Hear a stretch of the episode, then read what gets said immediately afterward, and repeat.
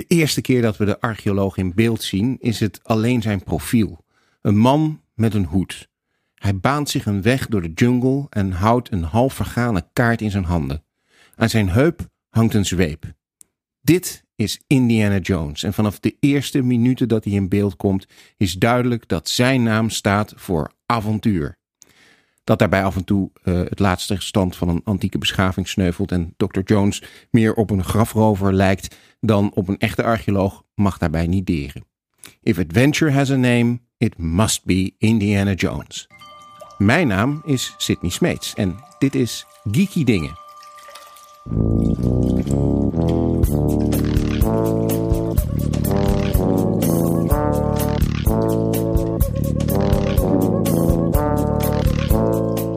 Mijn naam is Tom Aalmoes en waar Indiana Jones voor mij nou echt eens naar op zoek moet gaan, zijn de verloren teksten van Heraclitus. Die heb ik altijd al een keertje willen lezen. Mijn naam is Jona Lendering en ik zou wel eens willen zien dat Dr. Jones onderzoek doet naar de Ark van Noach. Ik ben Carolien van Zoest en als ik een nieuw project voor Indie mocht uitkiezen, dan zou het zijn het vinden van het graf van Alexander de Grote. Kijk, dat zijn nog eens opdrachten.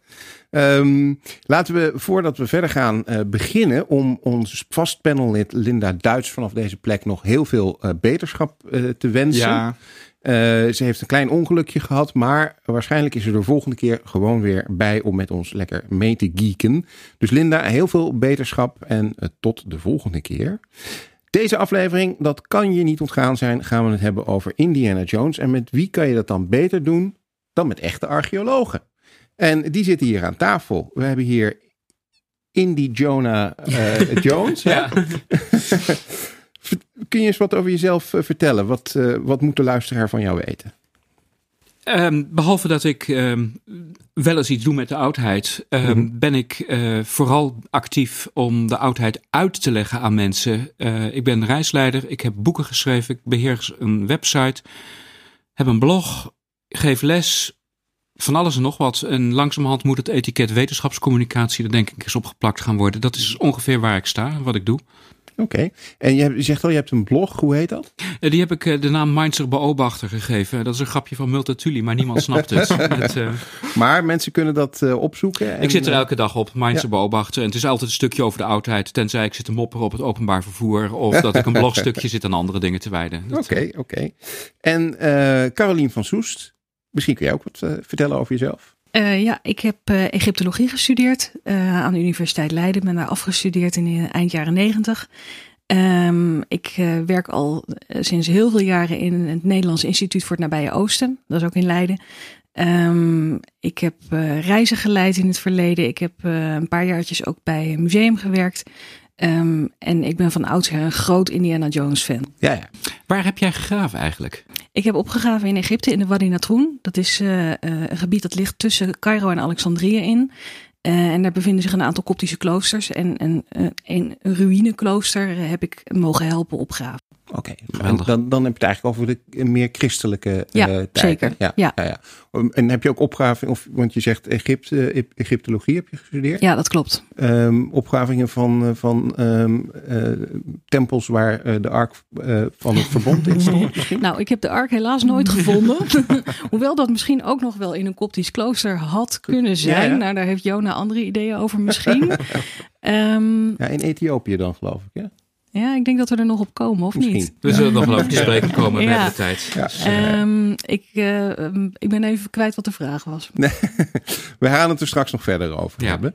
Um, iedere aflevering uh, beginnen we altijd met de vraag wat ons de laatste tijd in de geeky wereld is opgevallen. Dus wat heb je gelezen, wat heb je gezien, uh, welke tentoonstelling heb je uh, bezocht? En om dan meteen maar bij jou te beginnen, Carolien, wat heb je de afgelopen tijd meegemaakt? Um, nou, ik ben koud terug uit Marrakesh. Ik was voor het eerst uh, in, van mijn leven in Marokko. En uh, dat was ontzettend leuk. Het was maar een paar dagjes. En um, ik moet zeggen dat, dat ik daar heel veel heb gezien wat me deed denken aan de Indiana Jones films. Mm-hmm. Dus het, het, is eigenlijk uh, heel Oriëntaals, of eigenlijk moet je zeggen Orientalistisch, wat je mm-hmm. daar om je heen ziet. Mm-hmm. En dat is een sfeer die die hele Indiana Jones films ook doortrekt. En ook alle, alle scènes die, die gefilmd zijn in de, in de binnenstad van Cairo dan zogenaamd. eh, ja, dat, dat, dat hadden ze zo in Marrakesh kunnen filmen. Ik denk dat het Tunesië was of Ja. een ander Noord-Afrikaans land. Maar het is, eh, het is helemaal die sfeer. Dus ik, ik was helemaal geïnspireerd. En het, het andere leuke vond ik eigenlijk aan Marrakesh. Dat, hoewel het een, een stad is die gesticht is, nou wel een millennium eh, na het Romeinse Rijk. Is dat je heel veel ziet, als je goed oplet, wat doet denken aan de Romeinen. Dus de, Mhm. de manier waarop de stadshuizen daar gebouwd zijn, met een, een, een, ja, eigenlijk een atrium en een impluvium. Dat, dat, ja, dat is zo afgeleid van de Romeinen. En ook de hele badcultuur van het Midden-Oosten. Die gaat ook Haman. ja, de hammam Mm. die gaat helemaal terug op de Romeinse termen eigenlijk. En dan heb je in Noord-Afrika natuurlijk nog de fibels, de fibula's. Dat is ook, nou, dus we, ja, precies. Dus we hebben eigenlijk, eh, mijn man en ik hebben daar met z'n tweeën, zonder ook maar één Romeinse oudheid te zien, ontzettend aan de Romeinen lopen denken de hele tijd. Mooi zeg. En je, en je zegt het, eh, het doet orientalistisch aan. Ja. Denk je dat ze daar ook misschien wel voor het toerisme een klein beetje mee spelen? Of is het authentiek? Nou, ik had de indruk dat het in Marrakesh eigenlijk authentieker was dan in sommige delen van de zoek van Cairo Mhm. van tegenwoordig. Het is natuurlijk wel zo dat de ambachtslieden daar eh, voornamelijk voor de toeristenmarkt produceren. Mhm. Maar aan de andere kant, de manier waarop zij produceren, is wel nog echt ja, heel ambachtelijk en, en met heel veel handwerk en zo. En het leuke is ook dat als je, als je gaat kijken hoe dingen worden geproduceerd. Eh, dat je niet altijd alleen maar aan je mouw wordt getrokken van eh, kijk hier en, en geef me wat geld en uh, bakshish dit en, en zo. Ehm, het voelde voor mij een, een, een stukje authentieker en natuurlijker dan ik van, van andere landen wel eens eh, heb meegemaakt. Nice. Nou ja, goede vakantietip. Zeker. Ja. Tom. Uh, ik, ik, ik heb iets wat, wat, minder uh, uh, Oriëntaals gedaan. Ik heb uh, de hele vakantie The Good Place gekeken. Ja, ja. Eindelijk een keer. Daar is ook al vaker over gehad uh, mm-hmm. in uh, de podcast.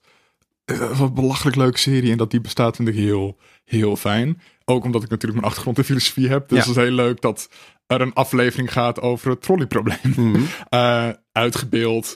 Uh, als letterlijk iemand die achter het stuur moet staan en een hendel moet overhalen, ja, ja of nee. Ja. Uh, en dat is ook een beetje een meme op het filosofische internet, op Reddit en zo. Dat de juiste oplossing van het trolleyprobleem multitrack drifting is.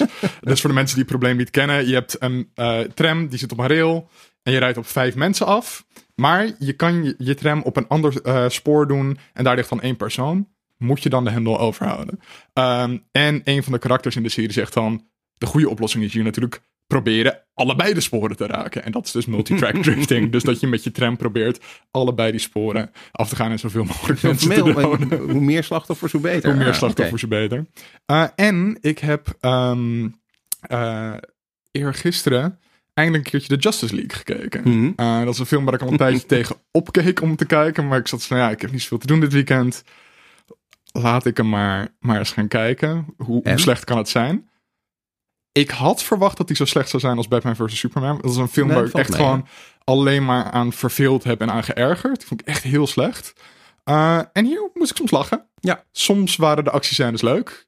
Uh, en over het heel, geheel was het gewoon geen hele slechte film. Nee. Je merkt wel dat er een soort clash is in toon tussen de twee regisseurs die eraan gewerkt hebben natuurlijk. Je hebt Zack Snyder aan de ene kant die hele brooding, serieuze uh, film wil maken met soort van langzame shots in slow motion en inspirerende ideeën over Superman en wat dan ook. En George Whedon die gewoon leuke grapjes wil maken. Um, en dat allebei in een film. Het, het, het is een beetje. Ja, het is een beetje jarring. Ja, ja. Dus dan heb je een heel serieus moment dat dat gewoon. Oh, misschien gaan we wel dood en kan Batman dit nog wel aan. En dan de Flash die een grapje maakt Mm. direct daarna. Um, wat meestal hele leuke grapjes waren van de Flash. Ja, ja, ik een heel leuk karakter. Kan niet wachten tot hij zijn eigen film heeft. Nee, klopt, klopt. Hij is, hij is denk ik de leukste. Aquaman ook wel, maar in deze film krijgt hij niet helemaal ik de kans. hem een, een, een beetje een soort van toxic masculinity Ja, man klopt, nu. ja. Dat ik gewoon soort van, oh, ik ga bier drinken en mannelijk doen en mijn shirt uit en kijk Ja, mij stoer zijn. Nou ja, dat is die- vervelend. dat- in zijn eigen film is hij dat ook een beetje, maar zijn eigen film is wel een stukje leuker en grappiger. Uh, maar de Flash is inderdaad uh, het leukste. Dus ik ben ook heel benieuwd of, of die nog een film krijgt, want het gaat niet zo heel goed Nee. met, die, met die franchises allemaal. Uh, zelf ben ik inderdaad in Tunesië geweest, waar Indiana Jones is opgenomen. Uh, de scènes Ja. uit uh, de eerste film, Raiders of the Lost Ark, die zich afspelen in Cairo, die zijn opgenomen in Kairoen. En dat is, uh, als ik het goed heb begrepen, betekent dat ook Klein Cairo. Maar in ieder geval, het is een Tunesische stad. Um, waar, uh, nou ja, de sfeer is en dat klinkt nu heel stereotyp als ik ga zeggen, maar een beetje wat jij net uh, zei, Carolien.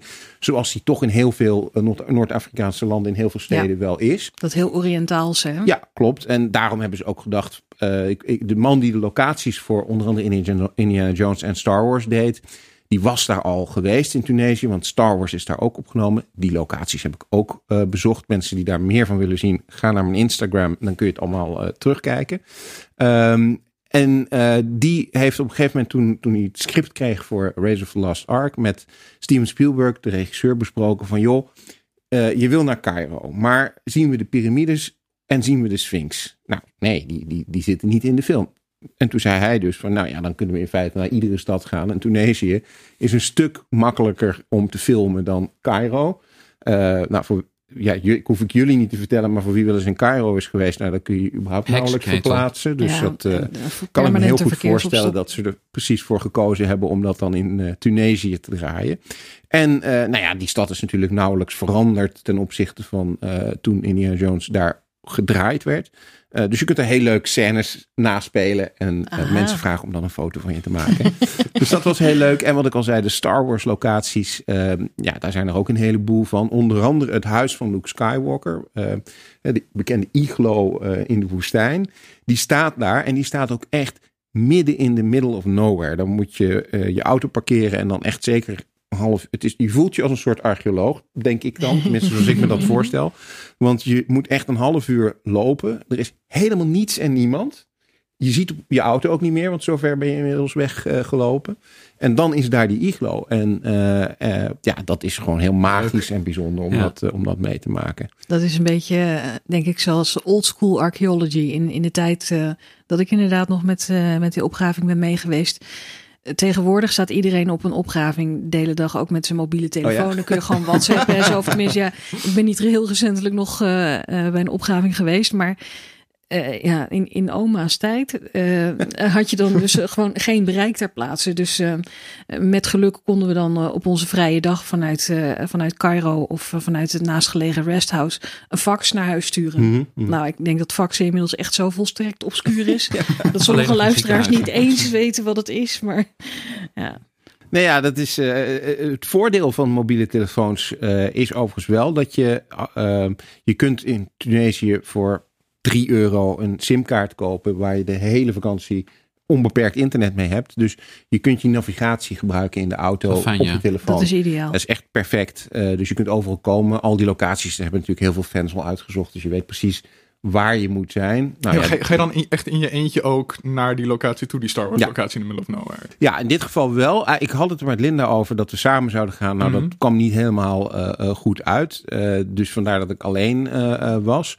En, en die locatie van die iglo, dat is echt iets waar niet veel mensen naartoe gaan. Wat ik al zei, je moet echt pokken en lopen. Mm.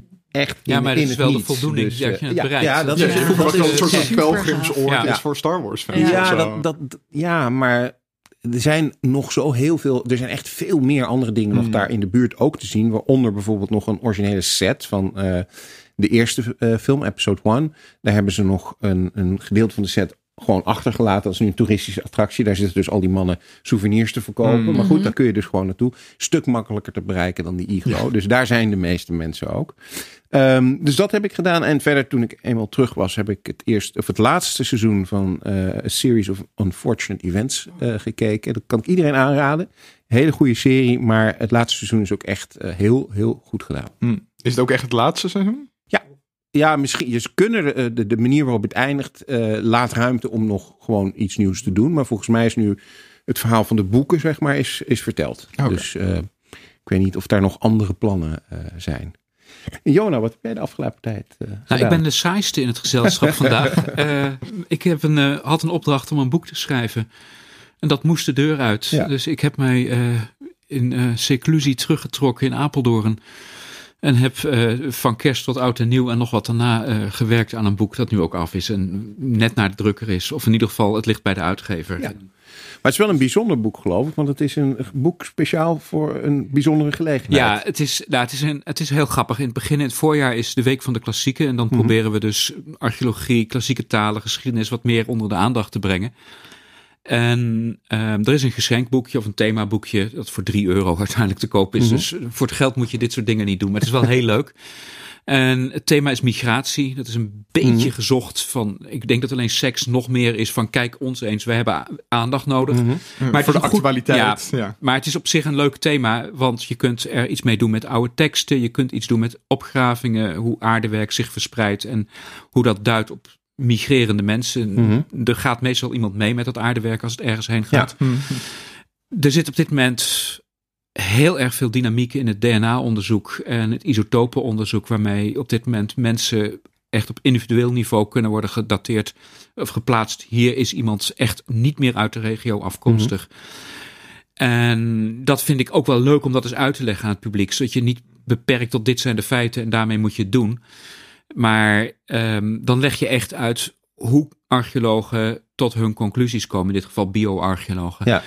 Ik kon een hoofdstuk doen over inscripties. Ik kon een hoofdstuk doen over migratie die er moet zijn geweest, maar waar we geen bewijs voor hebben. Mm seizoenmigratie van herders die heen en weer trekken is heel belangrijk geweest in de oudheid. Maar je kunt het nooit opgraven. Want ja, een plaggenhut, dat, je moet maar weten waar die is. Ja. En, dan zijn het alleen nog maar verkleuringen. Nee, je hebt alleen maar verkleuringen in het zand. Mhm. En daarmee moet je het doen. En dat zijn leuke opgravingen hoor. Maar het, het, is, uh, het is een hele andere tak van sport. Dus ik kan al die types bewijsmateriaal een keer doen. En aan het einde dan een hoofdstukje van wat hebben we hier nu aan. En zo een keer uitleggen van ja, hier dient het ook toe. En ik vind het wel heel leuk. Het is een, een, een uh, ik heb zelden een project gehad wat zo lekker af was. Het mhm. gewoon echt begint mhm. bij het begin en eindigt bij het eind. En waarin ik gewoon mijn ei kwijt kon. Dus ik heb het eigenlijk ook in een noodtempo geschreven. Omdat ik gewoon precies wist wat ik vertellen wilde. Ja, Ik heb er een heel goed gevoel bij. En ondertussen is er dus goed gezorgd voor het huis van mijn moeder, die even naar Curaçao was. Dus ik had het rijk voor mezelf alleen in Apeldoorn. Dat, oh, eh, lekker. ja. En, maar ik heb dus geen films gezien. Ik heb geen, geen computerspellen te recenseren nu. Nee, ik ben heel saai. Dat, uh... Maar even nog dat uh, die bioarcheologie en, en, en met name DNA, dat, dat zorgt, als ik het goed begrijp, ook echt af en toe voor hele opmerkelijke nieuwe inzichten. Nou ja, het leukste voorbeeld, we, we, we, zitten half in Egypte natuurlijk met Indiana Jones, is dat van de koningen van de 18e dynastie, dat zijn de beroemde koningen, Echnaton, Tutankhamon en mm zo. Ehm, daar hadden we de mummies van. En we wisten alleen niet wie wie was. En wisten ook niet precies wie welke zoon en dochter was. En dankzij DNA-onderzoek is dus de, de, de familieverhouding daar uh, redelijk adequaat uh, vastgesteld. En daar, daar is ook geen twijfel meer over nu. Ja, En dat is toch wel leuk dat je kunt zeggen van deze mummie moet echt die zijn van die en dat is die. Mm En ja, dat zijn toch leuke uh, dingen. En ja, dat, dat isotopenonderzoek.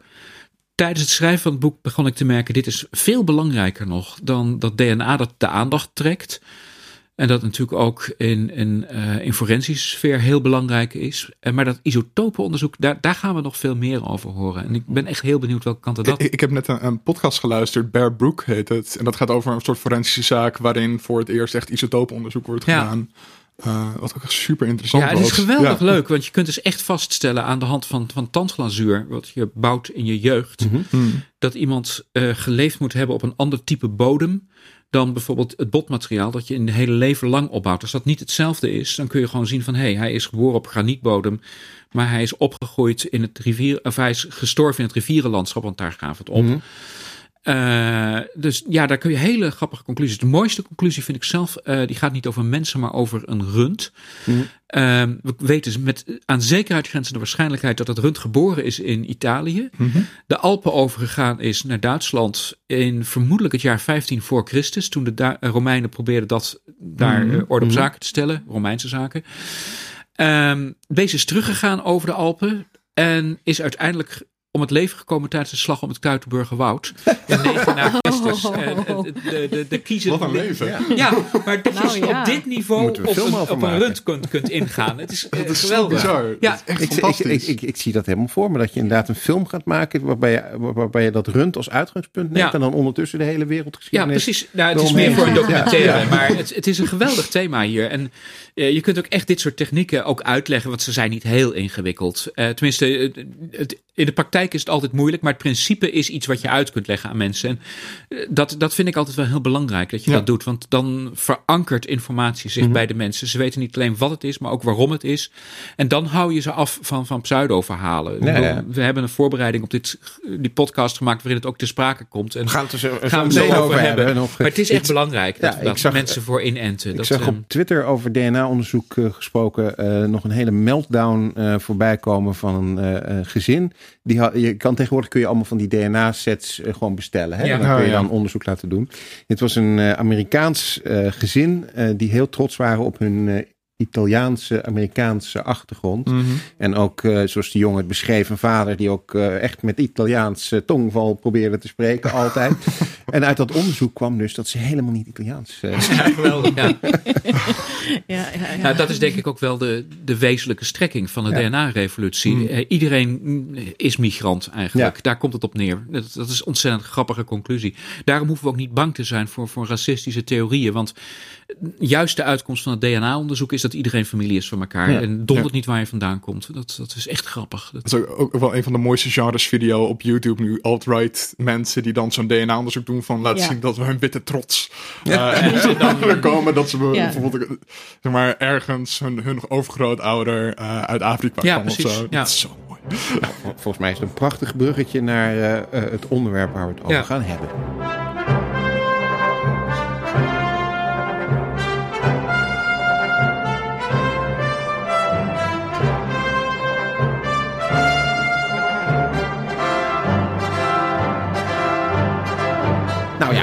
Want ehm, je kunt wetenschap natuurlijk voor allerlei doelen gebruiken. Uh, mensen hier aan tafel doen dat uh, voornamelijk voor het goede doel. Maar uh, onder andere onze ehm, nationaal-socialistische heren en dames gebruikten wetenschap natuurlijk voor hun eigen ideologische doel. En niet alleen de wetenschap.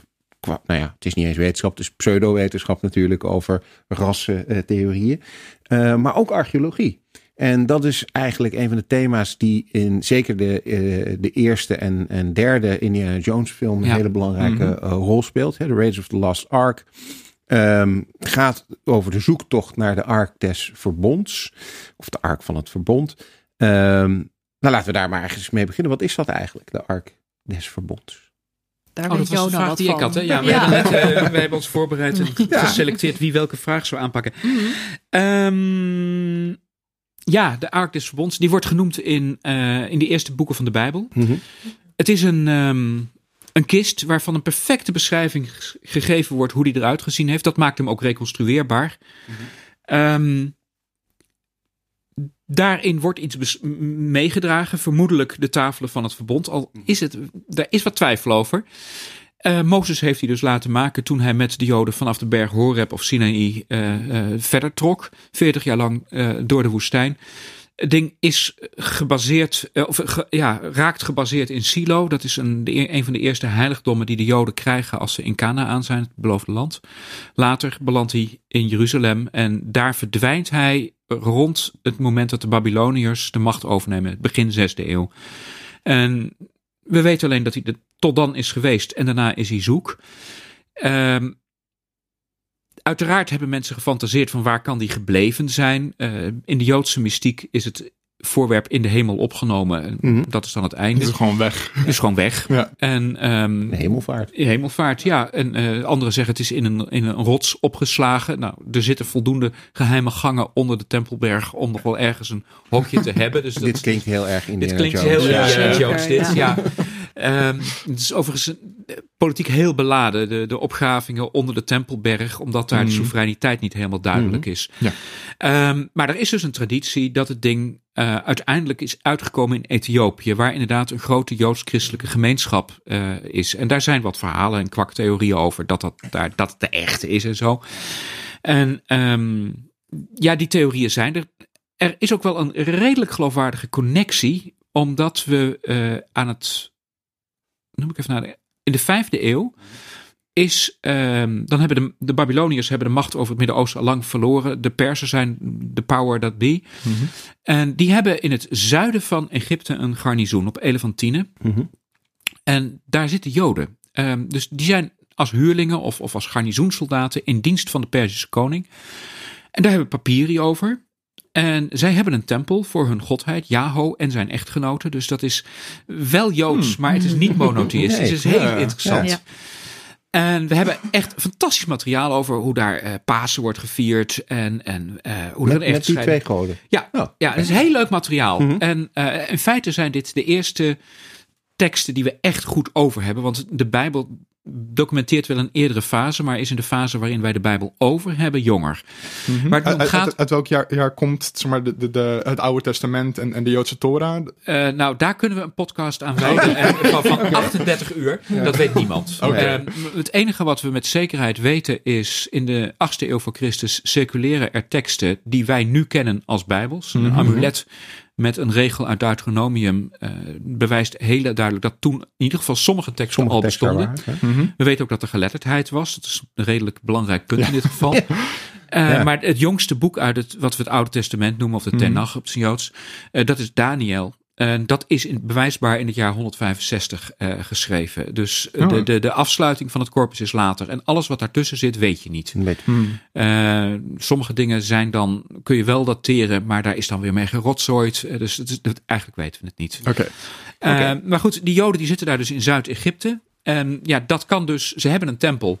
Dus je zou je een scenario kunnen voorstellen dat mensen de ark van het verbond in veiligheid brengen. Daar bij die andere tempel. Ja, dan ben je al een eind in de richting van Ethiopië. Maar ik geloof er geen bal van hoor. Dat zeg ik eerlijk bij. Maar je kunt dit soort speculaties, daar heeft het niet aan die, die Egyptenaren kunnen hem natuurlijk ook meegenomen hebben naar, naar Tanis. Wat niet bestaat waarschijnlijk. Nou, Tanis, Tanis bestaat. bestaat ook. Tanis bestaat zeker. En, maar dat ligt weer helemaal aan de andere kant van Egypte. Dat mhm. ligt in het delta in het noorden. Um, dus als je vanuit uh, Israël, Palestina naar Egypte reist, dan kom je eerst langs Tanis. Mm Lang, lang voordat je bij Aswan komt. Dus het is heel onwaarschijnlijk dat, dat die ark via Aswan naar Tanis zou reizen. En, en, en die Egyptische stijl die we zien in Indiana Jones, die is ook niet uit de tijd dat we dan zouden zeggen dat die ark daar ongeveer moet zijn. Ik vind, ik vind de ark uh, zoals die in, in Indiana Jones films wordt, uh, uh, wordt weergegeven, vind ik er weinig Egyptisch uitzien. Met die, mm -hmm. met die nee, engelen ik gewoon de locatie waar die is, met die, met die tempel oh. Waar, waar die in zit, met ja. alle Egyptische godheden eromheen. Ja, ach ja, het is een schitterend decor, absoluut. ja, prachtig. Maar um, het is, ja, kijk, die, die scènes in, in Tanis, in Indiana Jones, dat, dat is fantastisch, want Tanis kun je gewoon bezoeken als toerist. En, mm. en mhm. als je dan daar bent, Indiana Jones, die, uh, of, of zijn, zijn uh, vrouwelijke metgezel, die wordt daar op een goed moment mm. vastgehouden. Die zit vastgebonden aan een tentpaal.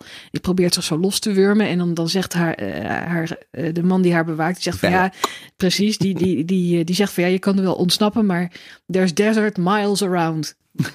Tanis ligt in de delta, dus, dus helemaal geen zand. En, en ook wat, ja, en Tanis is van zichzelf een, een heel spectaculaire opgraving. En daar, daar heeft een grote stad gelegen met, met, met grote monumenten. Maar totaal niet zoals je in de film ziet. Nee. Echt compleet anders. Maar dat is inderdaad in elke film natuurlijk. Uiteindelijk moet het, het moet er leuk uitzien. Het moet een leuk plaatje zijn. Jij moet ook in de bioscoop een leuke avond hebben. En, het decor is leuk. En ook de, de ruimte waarin dan de, de maquette van de stad. Nou, zo'n maquette mhm. van de stad is al helemaal niet Egyptisch. Um, maar de, zeg maar de decoratie op de muren daar. Mhm. Uh, als je daar een beetje in detail naar kijkt, dan, dan zie je daar een mengeling van, van scènes uit het dodenboek, die niet op een tempelmuur thuis horen, maar eerder in een graf. En, en, en uh, algemene afbeeldingen van goden en wat, wat uh, hieroglyphen dwars door elkaar heen. En, en, en R2D2 en C-3PO? Ja. Ja. Ja, ja, ja. die staan er ook tussen als, als, als, hieroglyphen. Ja, Dat, dat, dat moet je maar weten. Maar dat is inderdaad echt zo'n zo'n zo'n ontdekking van dat als je het beeld stilzet, zeg maar op de DVD, dan kun je dat herkennen. Mm, maar ik, daar ben ik ook pas jaren later achter gekomen. maar ze hebben dus eigenlijk een beetje wat, wat, uh, wat werkelijke hieroglyphen en teksten genomen, die een beetje door elkaar gegooid en her en der verspreid in, in het decor. Dus gewoon eh, diverse Egyptische elementen genomen, mm -hmm. uh, in een grote pan gegooid, door elkaar geklutst en hey presto, daar heb je je Egyptische tempel. Nou ja, de meeste kijkers die, die zien dat natuurlijk niet, dus dat maakt nee. het ook niet zoveel uit. En het, het ziet er ook hartstikke leuk uit. Ja. Het is, je moet echt heel goed kijken, wil, wil je die elementen maar herkennen. De film is ook niet gemaakt voor Egyptologen. Nee, nee helaas niet. Hoewel die er toch wel veel plezier aan kunnen beleven hoor. dat precies, wel. Precies. Is het wel een uh, iets, iets wat, wat je herkent bij, bij jezelf of bij anderen, uh, dat ze misschien wel uh, geïnspireerd zijn geraakt door zo'n film van goh, dit, dit vind ik echt wel gaaf, ik wil ook archeoloog worden? Nou, ik, ik denk voor mij persoonlijk, ik, ik denk dat ik mijn keuze al had gemaakt mm -hmm. uh, voordat ik kennis maakte met Indiana Jones. En um, uh, ik, ik, weet nog dat ik de eerste Indiana Jones film zag in, in de aula van mijn middelbare school. Volgens ja. mij in mijn eindexamenjaar, want dan hadden we zo'n filmfestival. En ik was echt uh, volkomen ondaan van het feit dat hij dan op een goed moment in zo'n ondergrondse ruimte dwars door een aantal mummies heen ja, stapt ja, en ze gewoon ook kapot trapt. En zo. Dacht, nou, dat doet een archeoloog toch niet? Nee, inderdaad. Maar um, uiteindelijk, ja, het is misschien een beetje een guilty pleasure, maar Indiana Jones is echt wel een aansprekende figuur. En um, uh, ja, ook als je serieus bezig bent in het veld, dan, dan is het gewoon leuk om af en toe aan Indiana Jones te, te refereren en, en, en de goede you dingen. Call. You call this archaeology. Ja, ja, ja. En, en inderdaad wat passende citaten er tegenaan te gooien. Het, het, het blijven toch echt geweldige films. Ja, kan ik me wel voorstellen. En um, even misschien nog voor de beeldvorm. De, de, de Indiana Jones uh, de, We hebben dus Indiana Jones films. Dat zijn er vier. Er komt een vijfde, maar dat duurt nog heel lang. Want uh, Steven Spielberg die de films allemaal geregisseerd heeft, uh, heeft wel aangekondigd dat hij Indiana Jones 5 gaat maken. Maar hij gaat eerst een, een musical maken, West Side Story. Oh, oh, oh. Uh, zijn liefde voor musical uh, hebben jullie al kunnen zien in The Temple of Doom. Het openingsnummer uit The Temple of Doom mm. ja. is een enorm musical nummer waar hij zich helemaal op heeft uitgeleefd. Nou, dat kan hij nu in een hele film uh, lang gaan doen. Um, maar het idee hoe die films tot stand zijn gekomen is dat Steven Spielberg en George Lucas. George Lucas vooral bekend natuurlijk van Star Wars. Uh, goed bevriend. Waren met elkaar in gesprek over, goh, wat zou nou een leuke nieuwe film kunnen zijn? Wat zouden we samen kunnen doen? Steven Spielberg op dat moment had net een, een van de weinige flops uh, van zijn carrière achter uh, 1942. Ja, 43. Dat is inderdaad een, een oorlogsfilm, nou ja, die gewoon niet werkte. En hij was op zoek naar een uitdaging waarbij hij een film kon maken die op tijd en binnen het budget uh, gemaakt kon worden. En dat was Raiders of the Lost uh, Ark. En de gedachte van, van George Lucas, dat zie je ook in Star Wars. Hij is heel erg een fan van de serials uit de jaren 30, mm. Flash Gordon uh, en dat soort dingen. Nou ja, Indiana Jones moest ook zo'n soort serial worden. Een, een, een, een adventure archaeologist uit de jaren 30. Um, die op zoek gaat, en dat is ook een bekende term, oorspronkelijk bedacht door Hitchcock, naar een MacGuffin. ja. ja, dus het, het, maakt niet zo heel veel uit wat het is. Maar er moet iets zijn waardoor hij uh, een zoektocht uh, heeft. En dat doen ze dan, vind ik zelf wel erg leuk in de Indiana Jones films. Omdat ze, nou, misschien met uitzondering van de Crystal Skull, maar dat ze redelijk aansprekende quasi-historische ja. voorwerpen uitkiezen waarvan iedereen zoiets heeft. hey, dat zou inderdaad misschien nog wel eens echt kunnen ja. zijn of zo. Um, is het. Um, want he, jij zegt ook van ja, maar een, een echte archeoloog die gaat natuurlijk niet de, de, mummies kapot trappen en een beeld omver gooien om te, om te ontsnappen. Ja. Hoop ik tenminste. Nee. Um, maar archeologen in de jaren dertig deden dat ook niet? Ik vrees van wel. Ik denk ook. Ja, nee, ik vrees ik, van wel, ja. Ik denk dat het, uh, je moet archeologen van de jaren 30 niet meten aan de uh, standaards van tegenwoordig. Dat, dat, en ik zou overigens de archeologen van tegenwoordig ook niet willen meten aan de standaards van tegenwoordig, want er gaat veel fout. Ja, dat is, maar we, we, hebben wel, wel gedragscodes inmiddels. Mm -hmm. En in de jaren 30 was, waren die er niet. En het was een imperialistisch, kolonialistisch project. Zeker. En, dus ja, het is een karikatuur van wat er toen gebeurde. Maar het is wel een rake karikatuur. Het toont mm -hmm. wel dingen uh, die, die er ook zeker zijn geweest. En uh, ik geloof niet dat er in de jaren dertig serieuze expedities naar de, uh, de ark van, van het verbond zijn geweest. Of, of naar kristallen schedels. schedels. dat was trouwens een film uit de jaren vijftig. Ja, ja, ja, maar um, het, het is toch dit soort objecten trokken de aandacht. Ja, en mhm. zeker. men haalde uit een opgraving het, het meest spectaculaire weg. Ja. En terwijl ik dit voorbereidde, zat ik te denken aan het, het gegeven dat we nog niet zo gek lang geleden hebben gezien dat de restauratie van de Acropolis in Athene. Mhm. Hmm. Ehm, er is vrij makkelijk besloten, we brengen het terug naar de vijfde eeuw Mhm. voor Christus. De tijd van Pericles, dat is wat we gaan restaureren. En de rest is vrij rücksichtsloos weggehaald. Maar er was ook een Byzantijnse kerk daar op een Ja. gegeven moment. En er waren Byzantijnse resten uit de middeleeuwen waarvan je je kunt afvragen, hebben die niet een eigen waarde? En tegenwoordig zouden we daar iets genuanceerder over denken. Mhm. Waarschijnlijk zouden we het ook terugbrengen naar de vijfde eeuw, want dat is toch wel Mhm. heel speciaal. Ja. Terwijl Byzantijnse kerken, die hebben we overal. Dus, de, maar er wordt net even iets genuanceerder over gedacht. En zo'n restauratie als de Acropolis is pas uit de jaren 80. In de jaren 30 was dit gewoon standaard. En Ja. de- dus wat je nu in Rome ziet, eh, als je het Forum eh, Romanum ziet, daar heeft een middeleeuwse wijk gelegen.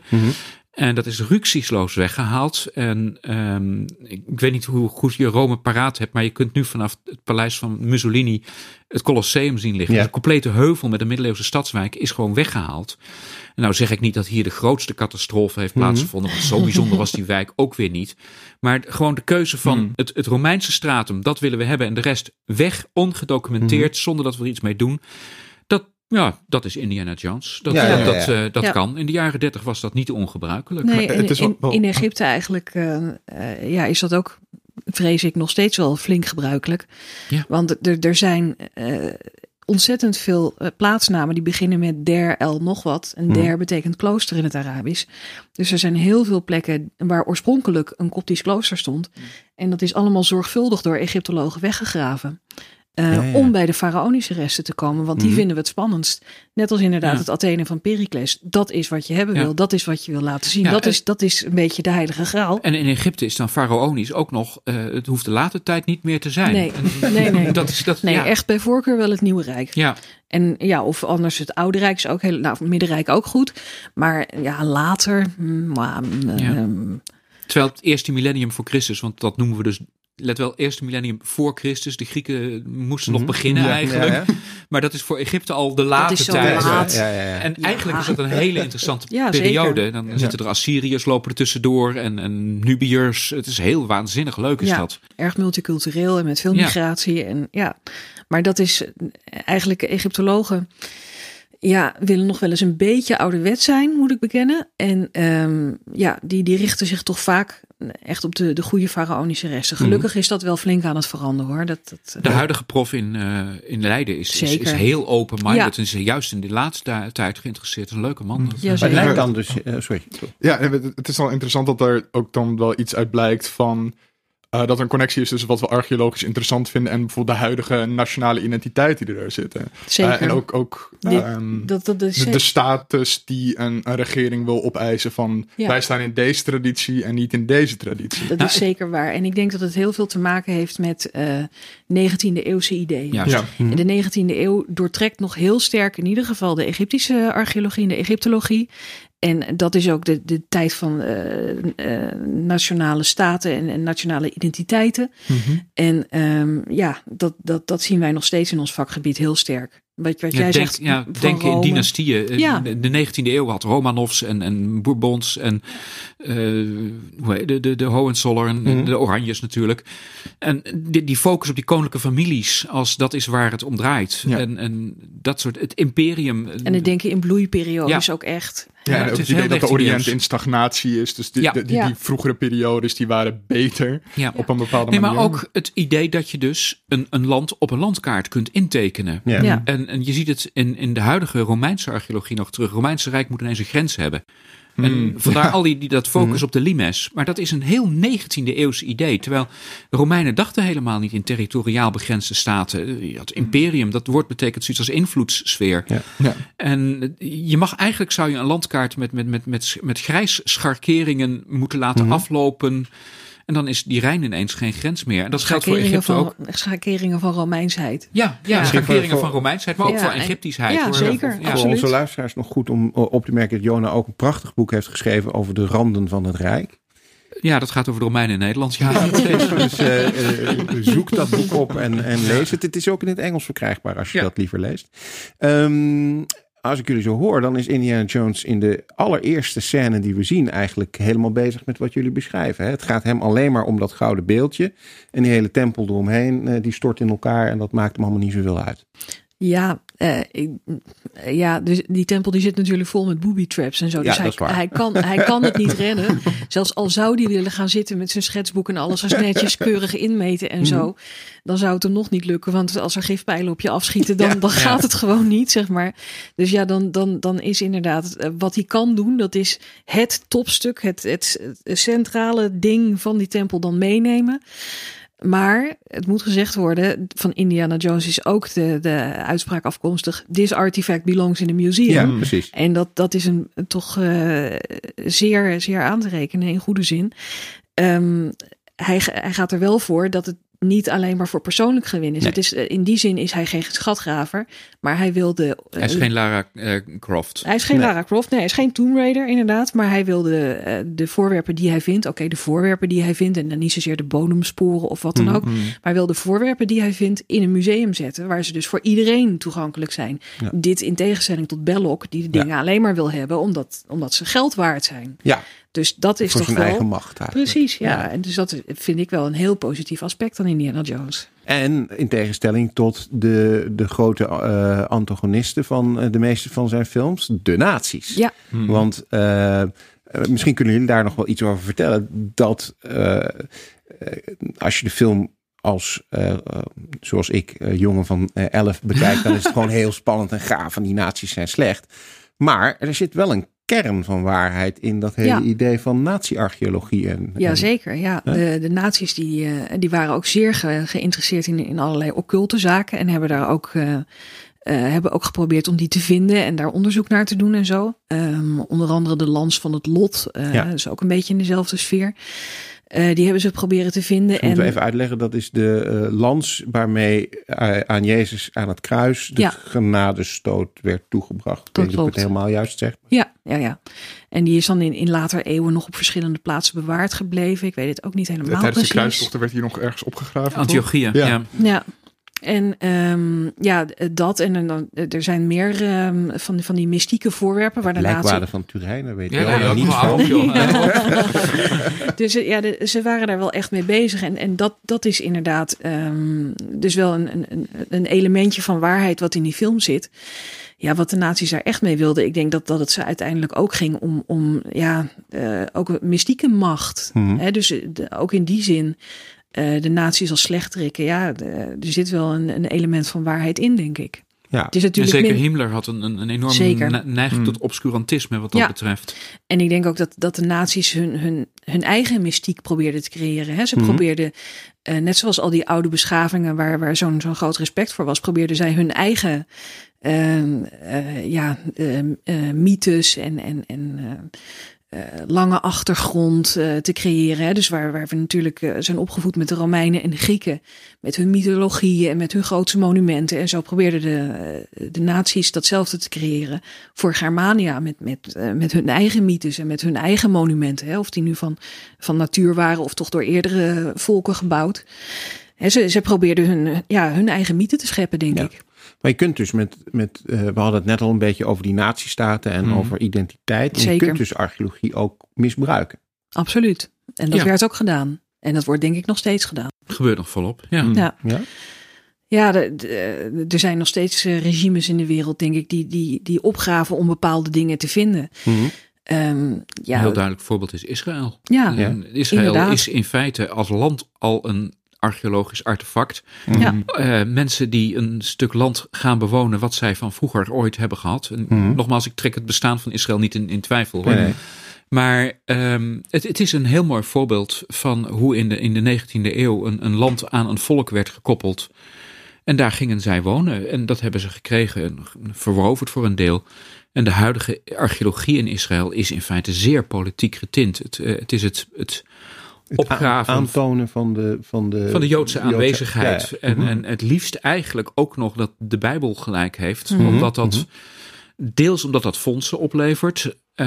christelijk rechts in de Verenigde Staten is bereid om grof te betalen dan. Uh, ik maak altijd het grapje dat een bijbelse vondst uh, leidt tot een wonderbaarlijke fondsenvermenigvuldiging. Yeah.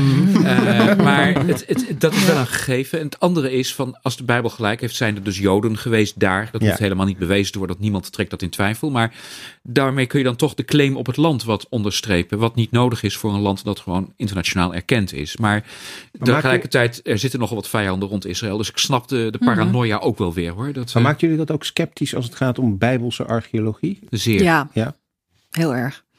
Ja, ik denk dat de archeologie in Israël ook ja, is, is begonnen toen Israël net gesticht was door, door uh, een generaal die Masada ging opgraven. En um, ja, uh, dat, dat, dat afzetten van, van die, die Joodse ja. nou, Misschien ook voor onze luisteraars, ja. hè, Masada, de plek waar het Joodse volk zich tot de laatste man ja. verzette tegen, mm. de, tegen de Romeinen. Hebben, tegen de Precies, tegen de Romeinen. En het is natuurlijk ook, een, ik, ben, ik ben er helaas nog niet geweest, maar een, een, een dramatische plek, mm -hmm. gewoon qua landschap. Ja, dat, dat is aansprekend. Daarmee kun je wel het mm. verhaal van een land brengen. Ja, ja. ja. dat is inderdaad. Het, het, is een, het is in feite een zionistische mythe. Mm -hmm. uh, dat klinkt weer onaardiger dan ik het bedoel. Mm -hmm. Maar um, men heeft. Er is een, een beroemd zionistisch gedicht. Masada zal niet opnieuw vallen. En daarmee werd Masada eigenlijk tot een Joods memoir. Maar -hmm. in de eerste plaats, er zijn ongelooflijk veel varkensbotten daarboven gevonden. Hm. Uh, wat doorgaans ja. niet duidt op een Joodse uh, aanwezigheid. Goed, oorlogssituatie. Je, je moet het niet al te letterlijk nemen, dit soort zaken. Veel verontrustender is dat de groepering die daarboven gezeten heeft, dat zijn de zogenaamde Sicariërs. Uh, daarvan wordt expliciet gezegd dat dat niet alleen Joden zijn, maar ook andere mensen. Dus er heeft daar gewoon een bandietenbende gezeten daarboven. die door de Romeinen uiteindelijk uitgeschakeld is. Misschien zelfmoord heeft gepleegd. Dat, dat, dat sluit ik niet uit.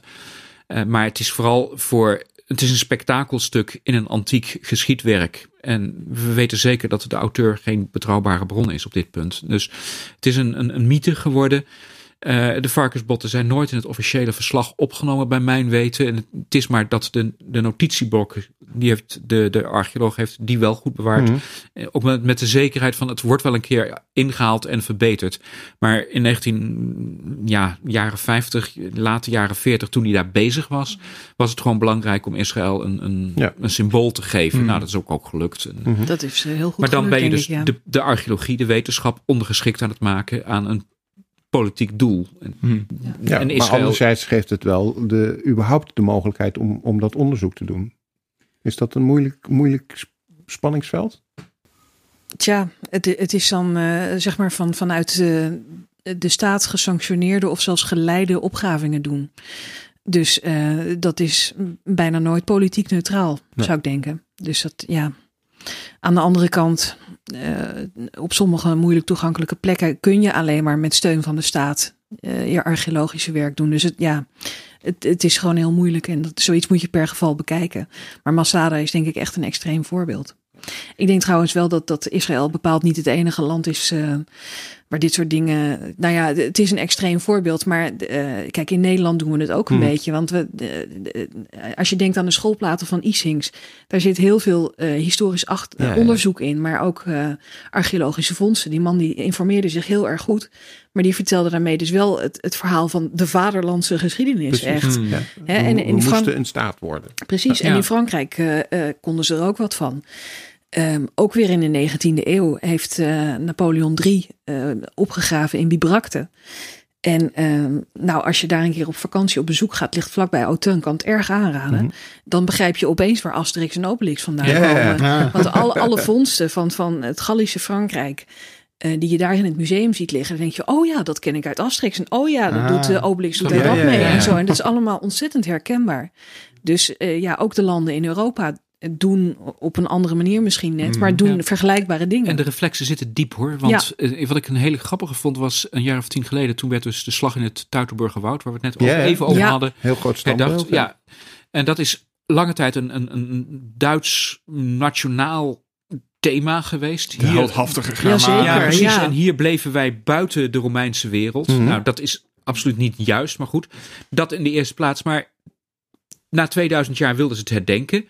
En heel duidelijk, en dat deden die archeologen ook echt prachtig, met dan gaan we exposities maken waarin we het tonen in een Europese context en, en proberen die nationalistische mythe een beetje te breken. En die exposities waren voorbeeldig. Echt geweldig gedaan. En um, ja, dan komt dus uh, de opening moet gedaan worden. Nou, dan denk je, dan gaan vragen ze de president van de, de, de, de voorzitter van de Europese Raad of zo iemand. Mm Maar je vraagt een Italiaan of je vraagt uh, uh, regeringshoofd uit Engeland of zo. Nee, het moet toch uiteindelijk Angela Merkel zijn die ja. dan namens Duitsland dat opent. En dan denk ik van ja, de reflex zit toch heel diep ingegraven. En, ja. Inderdaad. dat, dat, ja, dat moet je ook accepteren. Het leuke is overigens dat de catalogus van een van die exposities, daar heeft ook iemand in een voetnoot ook een opmerking gemaakt. En dan kan Duits kan ook zo heerlijk uh, over uh, mensen die dus echt uh, historische onbenul zijn. Het staat er in Duits net iets, iets mhm. gemener en ja, ja. beter. kan het niet citeren, maar het is geweldig. Dat, Maar even toch nog naar dat idee van hè, wat Indiana Jones ook zegt. Hè, it belongs in a museum. Dat is voor hem belangrijk. mensen moeten het kunnen zien ook daar zit misschien toch wel weer een keerzijde aan. Hè? Als je kijkt naar Egyptische uh, uh, opgravingen en wat daarvan allemaal uh, nou, in Leiden, maar in een heleboel uh, Europese steden terecht is gekomen. Mm um, daar zijn volgens mij ook wel wat bedenkingen bij, toch? Ja, um, over Egyptische oudheden hebben we over het algemeen minder discussie dan over mm een heleboel andere oudheden. Over mummies wil nog wel eens uh, gediscussieerd worden. Maar over het algemeen, kijk, als, als mij dit wordt gevraagd: van vind je dat, dat alle Egyptische oudheden terug moeten naar Egypte? Mm. Dan zeg ik altijd nee, dat vind nee. ik helemaal niet. Ik vind uh, de Egyptische oudheden in, in alle landen ter wereld vind ik uitstekende ambassadeurs voor de Egyptische ja, oudheid. Ja, ja. He, dat, dat, dat bevordert de interesse en er is ontzettend veel van. Veel te veel uh, dat men het in Egypte allemaal op een goede manier zou kunnen beheren. Mm. Dus wat mij betreft prima. Aan de andere kant, uh, ja, de, de, de kwestie is wat breder dan dat. Er zijn natuurlijk bepaalde iconische objecten. Um, hè, er is over de buste van Nefertiti nog wel eens uh, discussie. En uh, een enkel keertje ook nog wel over de steen van Rosetta. Mm -hmm.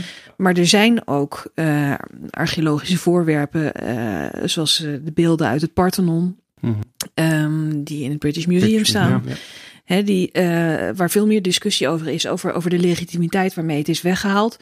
Of, um, ja, wel, wel, van welk land was het ook alweer? Menselijke resten. Ja, ja er was ja, op, uh, een paar jaar geleden. Ja, ja, op een paar jaar geleden is er, um, zijn die, um, die, die uh, gemummificeerde hoofden, hoofden, die zijn geretourneerd naar het land waar ze vandaan kwamen. En ja, ik denk, het, het, maakt trouwens ook een groot verschil, denk ik, of het gaat om uh, resten uit een nog levende cultuur.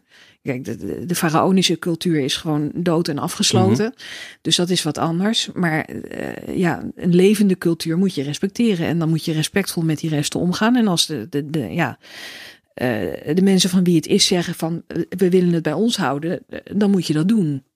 Maar ja in het algemeen denk ik dat voor Egypte geldt het heel sterk. En voor heel veel Romeinse resten ook. Um, ik vind het helemaal niet slecht dat het in, in landen over de hele wereld te zien is. Want het bevordert de interesse ook in de ja, wetenschappen.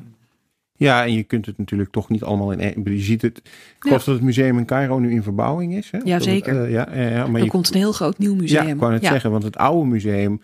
Ja, het is, er, er is te veel. Je kunt het niet zien. Dat klopt. omdat er te veel is. Nee, dat klopt. Het, het oude museum aan het Tahrirplein, mm -hmm. dat is een oudheden pakhuis. Ja. En uh, er, wordt nu ook overigens een project gestart om dat uh, weer op te knappen. Uh, er gaat dus een heel groot deel van de collectie naar een groot nieuw museum in Giza, dus bij de piramides. Mm -hmm. Dus dat is een heel eind verderop, uh, buiten de stad eigenlijk. Op zich wel een slimmere locatie, ja, denk ik. Ja, ja enerzijds wel. maar anderzijds, ja, zo bevorder je ook dat, dat toeristen ja. van het vliegveld in het noorden met een grote boog om de stad heen direct naar Giza gaan en dus nooit meer iets van de stad Cairo zien. Wat mm. ik wel jammer vind is volgens uh, mij een, een, bekende Nederlandse filosoof uh, ooit van gezegd: elk voordeel heeft zijn nadeel. Ja, ja, ja. ja, ja. Wijsdenker was dat. Dit is er een duidelijk voorbeeld van, ja. Maar um, ja, als dat betekent dat er nu aan het Tageerplein weer wat meer ruimte komt. Um, dat dat museum uh, opgeknapt kan worden en dat daar de, de, de vaste opstelling. Uh, ja, wat Klein, overzichtelijk, ja, gemaakt kan worden, ja. Dan, dan, ja, dan ben ik daar helemaal voor. Ja, want dat is misschien, we wijken nu heel erg af van Indiana Jones gekomen wel terug, maar ja. dat is wel een ding, denk ik, wat je in musea, wat, wat, wat, wat echt moderner is aan musea. Hè? Dat, we, dat we tegenwoordig graag één object de ruimte uh, geven in plaats van 600 objecten mm. die allemaal in een uh, vitrinekast liggen. Ja, en wat heel erg modieus is natuurlijk, en terecht, is uh, heel veel aandacht voor de verzamelgeschiedenis. Hoe ja. komen ja. wij eraan? Mm -hmm. En ik vind het altijd wel interessant inderdaad om te weten van nou, dit is op dat moment verworven en het dagboek van Indiana Jones eigenlijk. Bijvoorbeeld. Ja, ja, ja. nou dat soort zaken. Maar nee, het is een, uh, het is een belangrijk thema uh, van hoe komen we eraan. En juist omdat er op de zwarte markt erg veel wordt aangeboden en niet elke verzameling even netjes tot stand is gekomen, mag je daar ook wel aandacht aan geven. Omdat het eigenlijk ook een deel is van ons verleden. Dat, ja, ik, ik, zeg niet dat, uh, wil niet meteen roepen we zijn een roofstaat aan de Noordzee. maar het is wel een deel van wie we zijn. En dat, ja. dat hoef je ook niet te ontkennen. Ik vind dat het Tropenmuseum dat nu heel mooi ja, doet. Die, ja. die heel reflexief bezig is met de eigen geschiedenis. Uh, een docent van me beschreef dat een keertje heel mooi als een soort van... Het is een ruimte die dissonant is met zichzelf. Uh, oh, prachtig gezegd, ja. ja. Uh, dus het is een museum dat zijn koloniale geschiedenis niet probeert uh, te ontwijken. Maar er gewoon expliciet mee in gesprek gaat. En ook andere tentoonstellingen de ruimte geeft die daartegen ingaan ja. en een ander verhaal brengen. Het doet mij even denken aan de expositie op dit moment in het Drents Museum in Assen. Die gaat over Nubië. Ja. En um, daar zit het verhaal achter dat al die voorwerpen zijn door een Amerikaanse expeditie aan het begin van de 20e eeuw gehaald. Dit is echt Indiana Jones op zijn Mhm. meest echt. Ja. Uh, het is een hele goede archeoloog die daar heeft gezeten. Die, die Egyptenaren eerst leerde hoe ze fotografie moest maken. Heeft altijd met Egyptische fotografen gewerkt. Die echt de mooiste foto's van de wereld maken. Glasplaten nog. Hè? Mhm. En, uh, Ja. met, met prachtige emulsies, met zilver. fijns. Het is Jacob, ik weet het, zeg je Jacob Olie, Olie, of Jacob Olie, eh, Olij? Nou, fijn, Jacob Olie, maar dan in Egypte.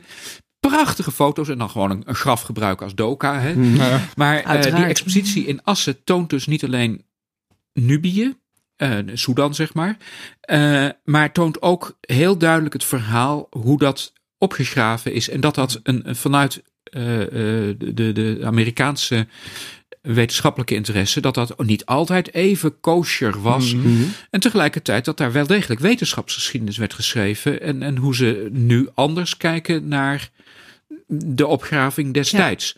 Ja. Eh, het is een hele mooie expositie. Dat, Ja. eh, Ja, ja. ik vind het Ik vind het ook wel de verdienste inderdaad dat, dat ehm, eh, wat er daar tentoongesteld wordt. eh, er, er wordt duidelijk bijgezegd inderdaad, het is van, van, van één collectie, het, hè? dus het is een soort afgesloten groep. Dus er wordt, het zijn geen bruiklenen uit, uit allerlei musea, maar ook dat het wordt gepresenteerd inderdaad als Nubisch. En eh, gewoonlijk wordt, wordt, eh, worden de resten uit Nubië bekeken door een egyptologische bril. Ah. Dus er wordt, Egy- wordt Nubië eigenlijk beschouwd als een, als een kolonie die ook wel eens een keertje rebelleerde van Egypte. Maar zo moet je het misschien toch niet helemaal zien. Ja, en daarmee Zo doen ze wel breekt goed. je dus eigenlijk een, een koloniaal frame. Ja, om, dat inderdaad. soort termen dan maar even Ja. tegenaan te gooien. We gaan Ja. nu verder weer over Indiana Ja, ja. Jones hebben. Hoor. Nou, het is een heel mooi Het wordt veel postmodern, nee, nee, nee, eh.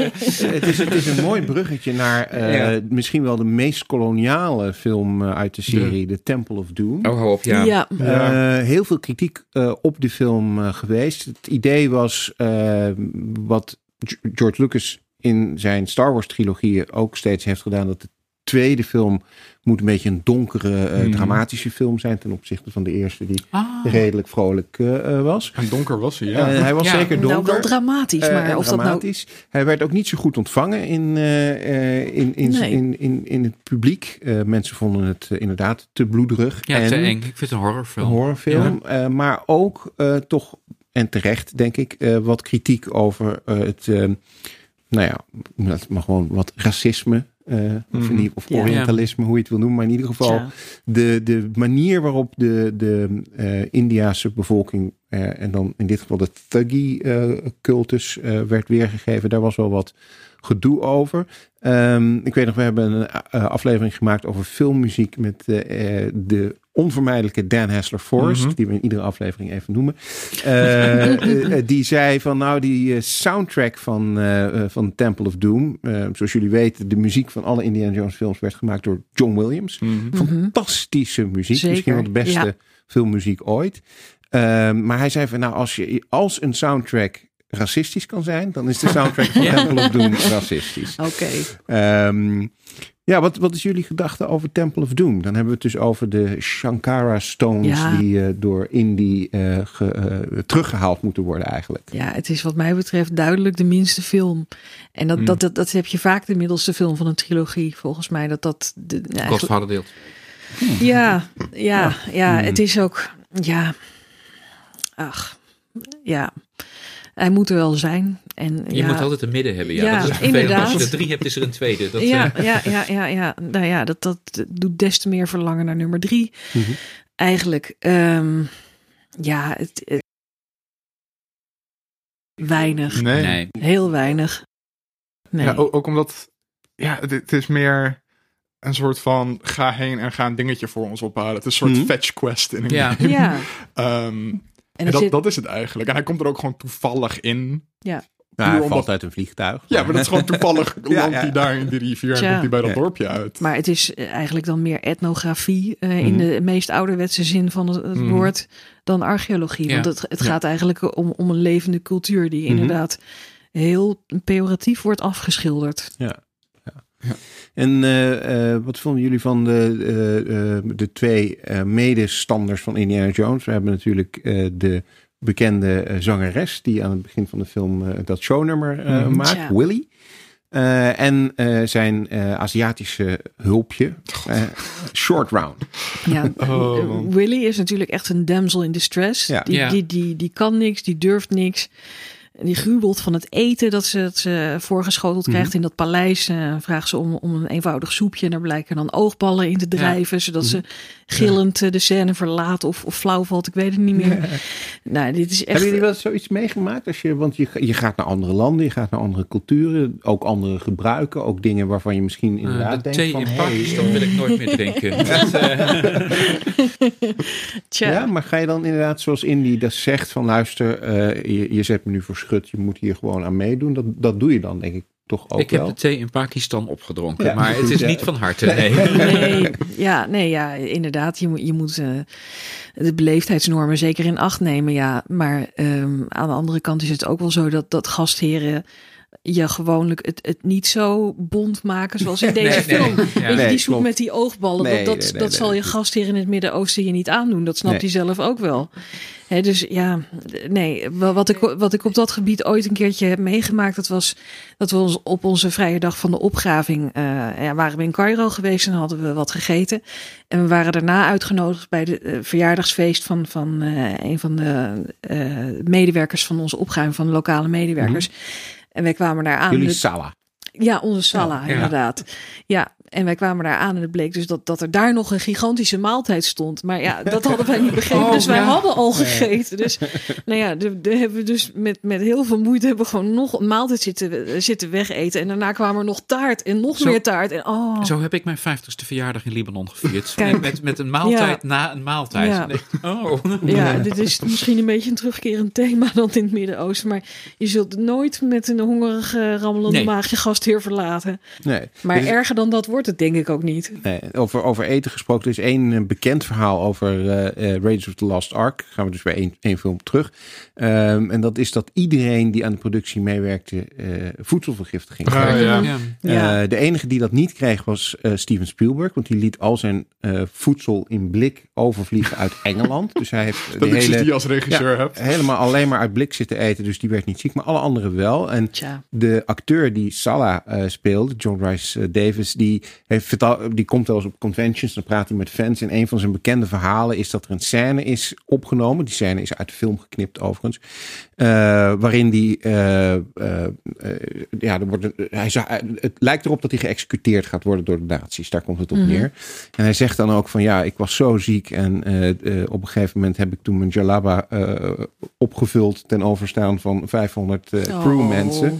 En hij, eh, ja, nou, het schijnt ook Arme dat man. de scène, ehm, de Ja. bekende scène, Ja. waarin Indiana Jones op de markt staat. En Tegenover die hem man met het Oh, ja. zwaard. met Ja, een zwaard. Het en- grote kromzwaard en die, die zwaait daarmee en doet heel bedreigend. En, Precies. En ja. in het script stond dat hij daar een heel gevecht mee ging Ja. hebben met zijn zweep en weet ik veel wat Hij, hij- allemaal. hij had er maanden voor getraind. Precies, precies.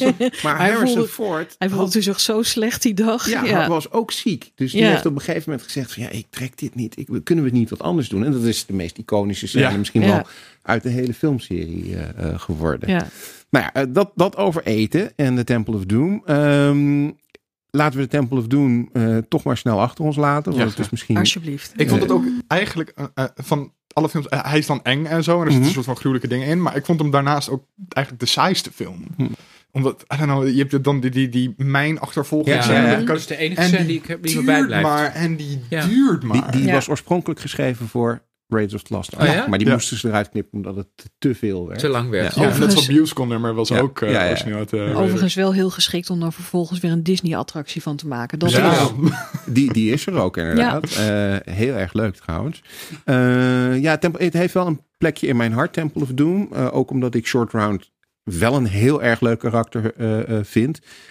Ik weet nog steeds niet of het racistisch is, maar ik vind het wel een heel erg leuk karakter. eh, zoals die in de in de hij is in ieder geval eigenzinnig. Hè? Precies. Ja. En, en hij heeft ook eh, agency. Hij, hij doet van alles. Ja. Hij, hij redt Indiana Jones ook en zo. Dus Op een gegeven moment echt dat gruwelijke gevecht tussen twee tienjarigen Ja. dat er ook in zit. Dat je ook echt zit van, Moet die arme nou? kinderen. ja, ja, ja, ja. Nou ja, daarna krijgen we dan De Holy Grail. The Last Crusade. Ja. De zoektocht naar de Heilige Graal. Hè, de, de- het idee van de, van de derde film is dat Indiana Jones eigenlijk helemaal in eerste instantie niet op zoek gaat naar de Heilige Graal, maar op zoek gaat naar zijn vader, Ja. Dr. Henry Jones Sr. Mhm. Die is verdwenen eh, op een missie, eh, nou ja, naar later blijkt ook weer voor de nazi's. Maar goed, eh, hij was op zoek naar de Heilige Graal. En Dr. Henry Jones is eigenlijk zijn hele leven al geobsedeerd door de Heilige Graal. Hij heeft een, een dagboek, we hebben het hier eh, liggen, een dagboek gemaakt waarin hij allemaal clues, hoe noem je dat eh, in het Nederlands? Eh, Aanwijzingen. aanwijzingen, precies. Verzameld heeft eh, om hem uiteindelijk tot de ultieme plek te brengen waar de Heilige Graal eh, te vinden is. En Die eh, overigens ook hier staat. die staat Ja. hier ook inderdaad. De Ja, dat was wel eh, eh, heel geweldig. Toen we hier binnenkwamen, dacht ik, nou, daar is hij dan, de Heilige Graal. ja, ja. Terwijl we toch allemaal dachten dat hij in die afgrond verdwenen Ja, was. Maar is er Ja, gewoon. ja, ja, geweldig. Ehm, ik wil straks van jullie ook horen of jullie ook zo'n boekje bijhouden. Met, eh, met misschien wel onderwerpen die je het meest fascineren. Of, of dingen waarvan je denkt van, hé, hey, die aan- aanwijzing moet ik onthouden. Maar eh, eerst even die heilige graal. Eh, staat dat op hetzelfde niveau als de Ark des Verbonds? Qua, De Ark des Verbonds heeft tenminste bestaan. Precies. Dat is in ieder geval een, een, een archeologisch voorwerp dat Ja. niet uit de lucht is gegrepen. Dus de graal Is apocrief. is apocrief. Het is een, een, een, literair motief uit de middeleeuwen. Ja. En je kunt een hele discussie voeren of dat nou afkomstig is uit... eh, Arthur? nou, nee, Ja. De Arthur-romans Ja. halen het ook al ergens Ja. vandaan. En dat kan een Mhm. Keltisch motief zijn. Een, een, een, tovervat dat zich steeds miraculeus weet te, Mhm. eh, te, te vullen. Het kan een juweel zijn. En dan zit je in een Arabische traditie. Het is waarschijnlijk samengekomen bij Chrétien de Troyes. Dat is de man die er als eerste over schrijft. En vervolgens eigenlijk de draad in zijn verhaal kwijtraakt. En op een gegeven moment is het verhaal... Hij is maar gestopt en het verhaal is gewoon niet af. Nou, dat is fantastisch, want iedereen gaat de sequel schrijven. En daar wordt het langzamerhand dan een beker. Mhm. Eh, en dat is inderdaad het motief wat opgenomen is door eh, Indiana Jones. En ja, wat het eigenlijk is, eh, dat, dat is sowieso al in de vroege middeleeuwse literatuur. Iedereen bedoelt er iets anders mee, maar het is wel de plek. Het vinden daarvan wordt steeds meer dus het, het punt waarop de natuur weer heel wordt, eh, het geneest. Eh, het maakt de wereld een stukje beter. Eh, dat, is, dat zijn allerlei motieven die daar tegelijk samenkomen. Het is hele leuke literatuur, dat wel. Mhm. Ja, maar het heeft niet bestaan en je kunt het dus niet vinden. De ark van het verbond zou met een beetje geluk nog eens een keer ergens kunnen opduiken. Niet dat ik het denk, maar het zou kunnen. Die heeft bestaan. Maar- de ark, de, Ja, de, de- De graal die, De graal heeft, die, niet. die heeft niet bestaan, eh, dus je kunt hem niet vinden, maar je moet er wel naar zoeken, denk ik. Ja. Alleen dat is dan toch geen archeologie. Nee, dat is een beeldingsideaal. Precies. Eh, ja. Je bent aan jezelf aan het verbeteren. Dat Ja. is waar Mhm. het op neerkomt. Ja. Ja, en, eh, maar zijn er, eh, nou ja, waarschijnlijk geen archeologen, maar zijn er mensen die echt op zoek zijn naar de graal? Nee. Bij mij weten niet. Nee? Nee, er is wel een leuke roman over Dan in het Nederlands. Ehm, die is. Het zijn twee Vlaamse auteurs. Die hebben samen een roman geschreven. waarbij de graal verborgen ligt in Zeeuws-Vlaanderen. Kijk. Eh, het, het Leugenverhaal heet hij. Het is een leuke roman. En Kisling heet, he- Mhm. noemen ze zich. Of dat nou hun echte naam is of een auteur, dat ben ik even kwijt. Maar ehm, het is een leuke roman over eh, dat ehm, als Rijntje de Vos, en dat verhaal Mhm. speelt zeker in, in Zeeuws-Vlaanderen, als hij het heeft over een schat die ergens begraven ligt, dat dat ook een feitelijke verwijzing is. En eh, het is minder gek ge- gedacht dan je denkt, omdat de auteur van eh Rijn Vos is een tijdgenoot van Chrétien de Troyes. Ah, ze kunnen elkaar ah. prima hebben ontmoet aan het hof van de, de graaf van Vlaanderen. Mhm. Dus helemaal, het is een slim bedachte roman. Ah, er is toch ook zo'n auteur die zegt dat, dat Troje in, in, in Nederland gevonden ja, iemand Wilkens is dat. Ja, ja. ja. ja. ja. ja. Daar kun je nog een hele andere podcast aan wijden. Ja, daarmee kom je inderdaad in de sfeer van de pseudowetenschap. Ja. Die hebben altijd een, een, een, een, een iets in leven. Uh, zeker de, de, de, gekke theorieën over dat Odysseus in, in Zeeuws-Vlaanderen is geweest. Dat, dat heeft wel een verklaring waarom dat op een gegeven moment moest ontstaan.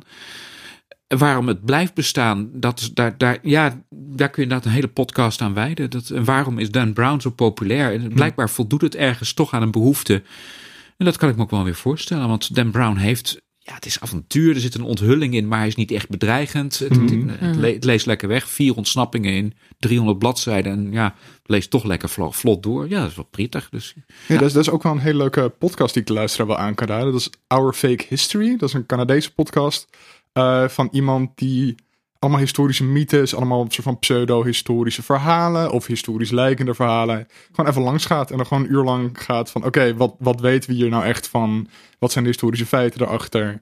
En waarom is dit zo interessant? Waarom, waarom willen we de hele tijd dat er meer achter zit? Ja, we hebben ook een hele goede Nederlandse website voor, de Mindshark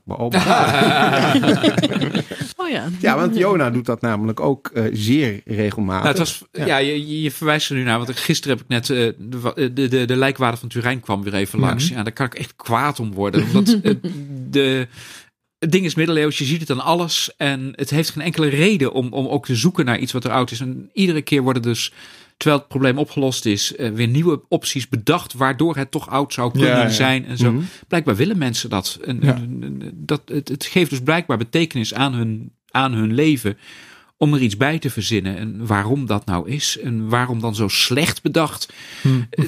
dat snap ik dus niet. Dat, ja. Nou ja, dan kom je eigenlijk automatisch bij die, die, die laatste Indiana Jones uh, film. Uh, als als Waarom het zo slecht Doom slecht, uh, slecht ontvangen is, nou dan moeten we het bijna niet meer hebben over The Kingdom of the Crystal Skull. Er zijn zelfs afleveringen van South Park over gemaakt waarin oh, ja. Indiana Jones letterlijk verkracht ja. wordt door George, George, Lucas en Steven Spielberg. Ja. Um, Kingdom of the Crystal Skull uh, speelt zich af in de jaren 50. ja. Dat is ook de reden waarvan overigens misschien nog wel goed om op te merken. Uh, de Temple of Doom is eigenlijk een prequel op Raiders of the Lost Ark, want hij speelt zich een jaar eerder af.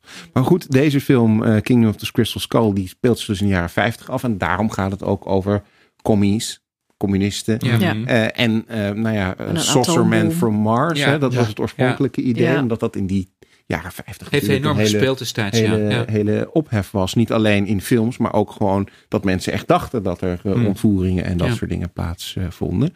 Uh, um, en het wordt dan in verband gebracht eigenlijk met. Um, ja, ik wil nu zeggen Maya of Azteekse cultuur, maar in ieder geval iets in die Zuid-Amerikaanse ja, pre-Columbiaanse uh, pre culturen. culturen. En dat past wel weer een beetje bij een andere bekende pseudo-wetenschappelijke uh, stroming van Von Deniken, Deniken en, en zijn kornuiten. Misschien kunnen we voor de wat jongere luisteraars nog eens vertellen wat dat eigenlijk en, en voor uh, mij. was. ja, Von Deniken is uh, de, de, de, het schoolvoorbeeld van een spannend verteld verhaal. En hij had dus de theorie dat um, al onze religieuze mythen ontstaan waren om te verklaren wat ze hadden gezien. En dat was alleen maar een UFO die langsgekomen was. Mm -hmm.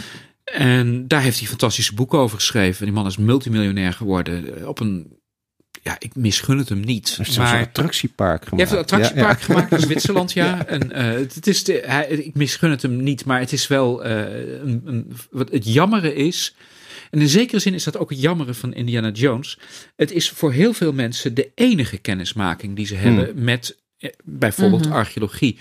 En ze leren nooit wat het feitelijk is. En dat vind ik dan wel jammer. Uh, daarom zou ik stiekem toch hopen van ja, doe er iets meer mee. Dan pakken mensen ook wat meer op. Het kost niet meer om een echte archeologisch adviseur aan te stellen. Mm.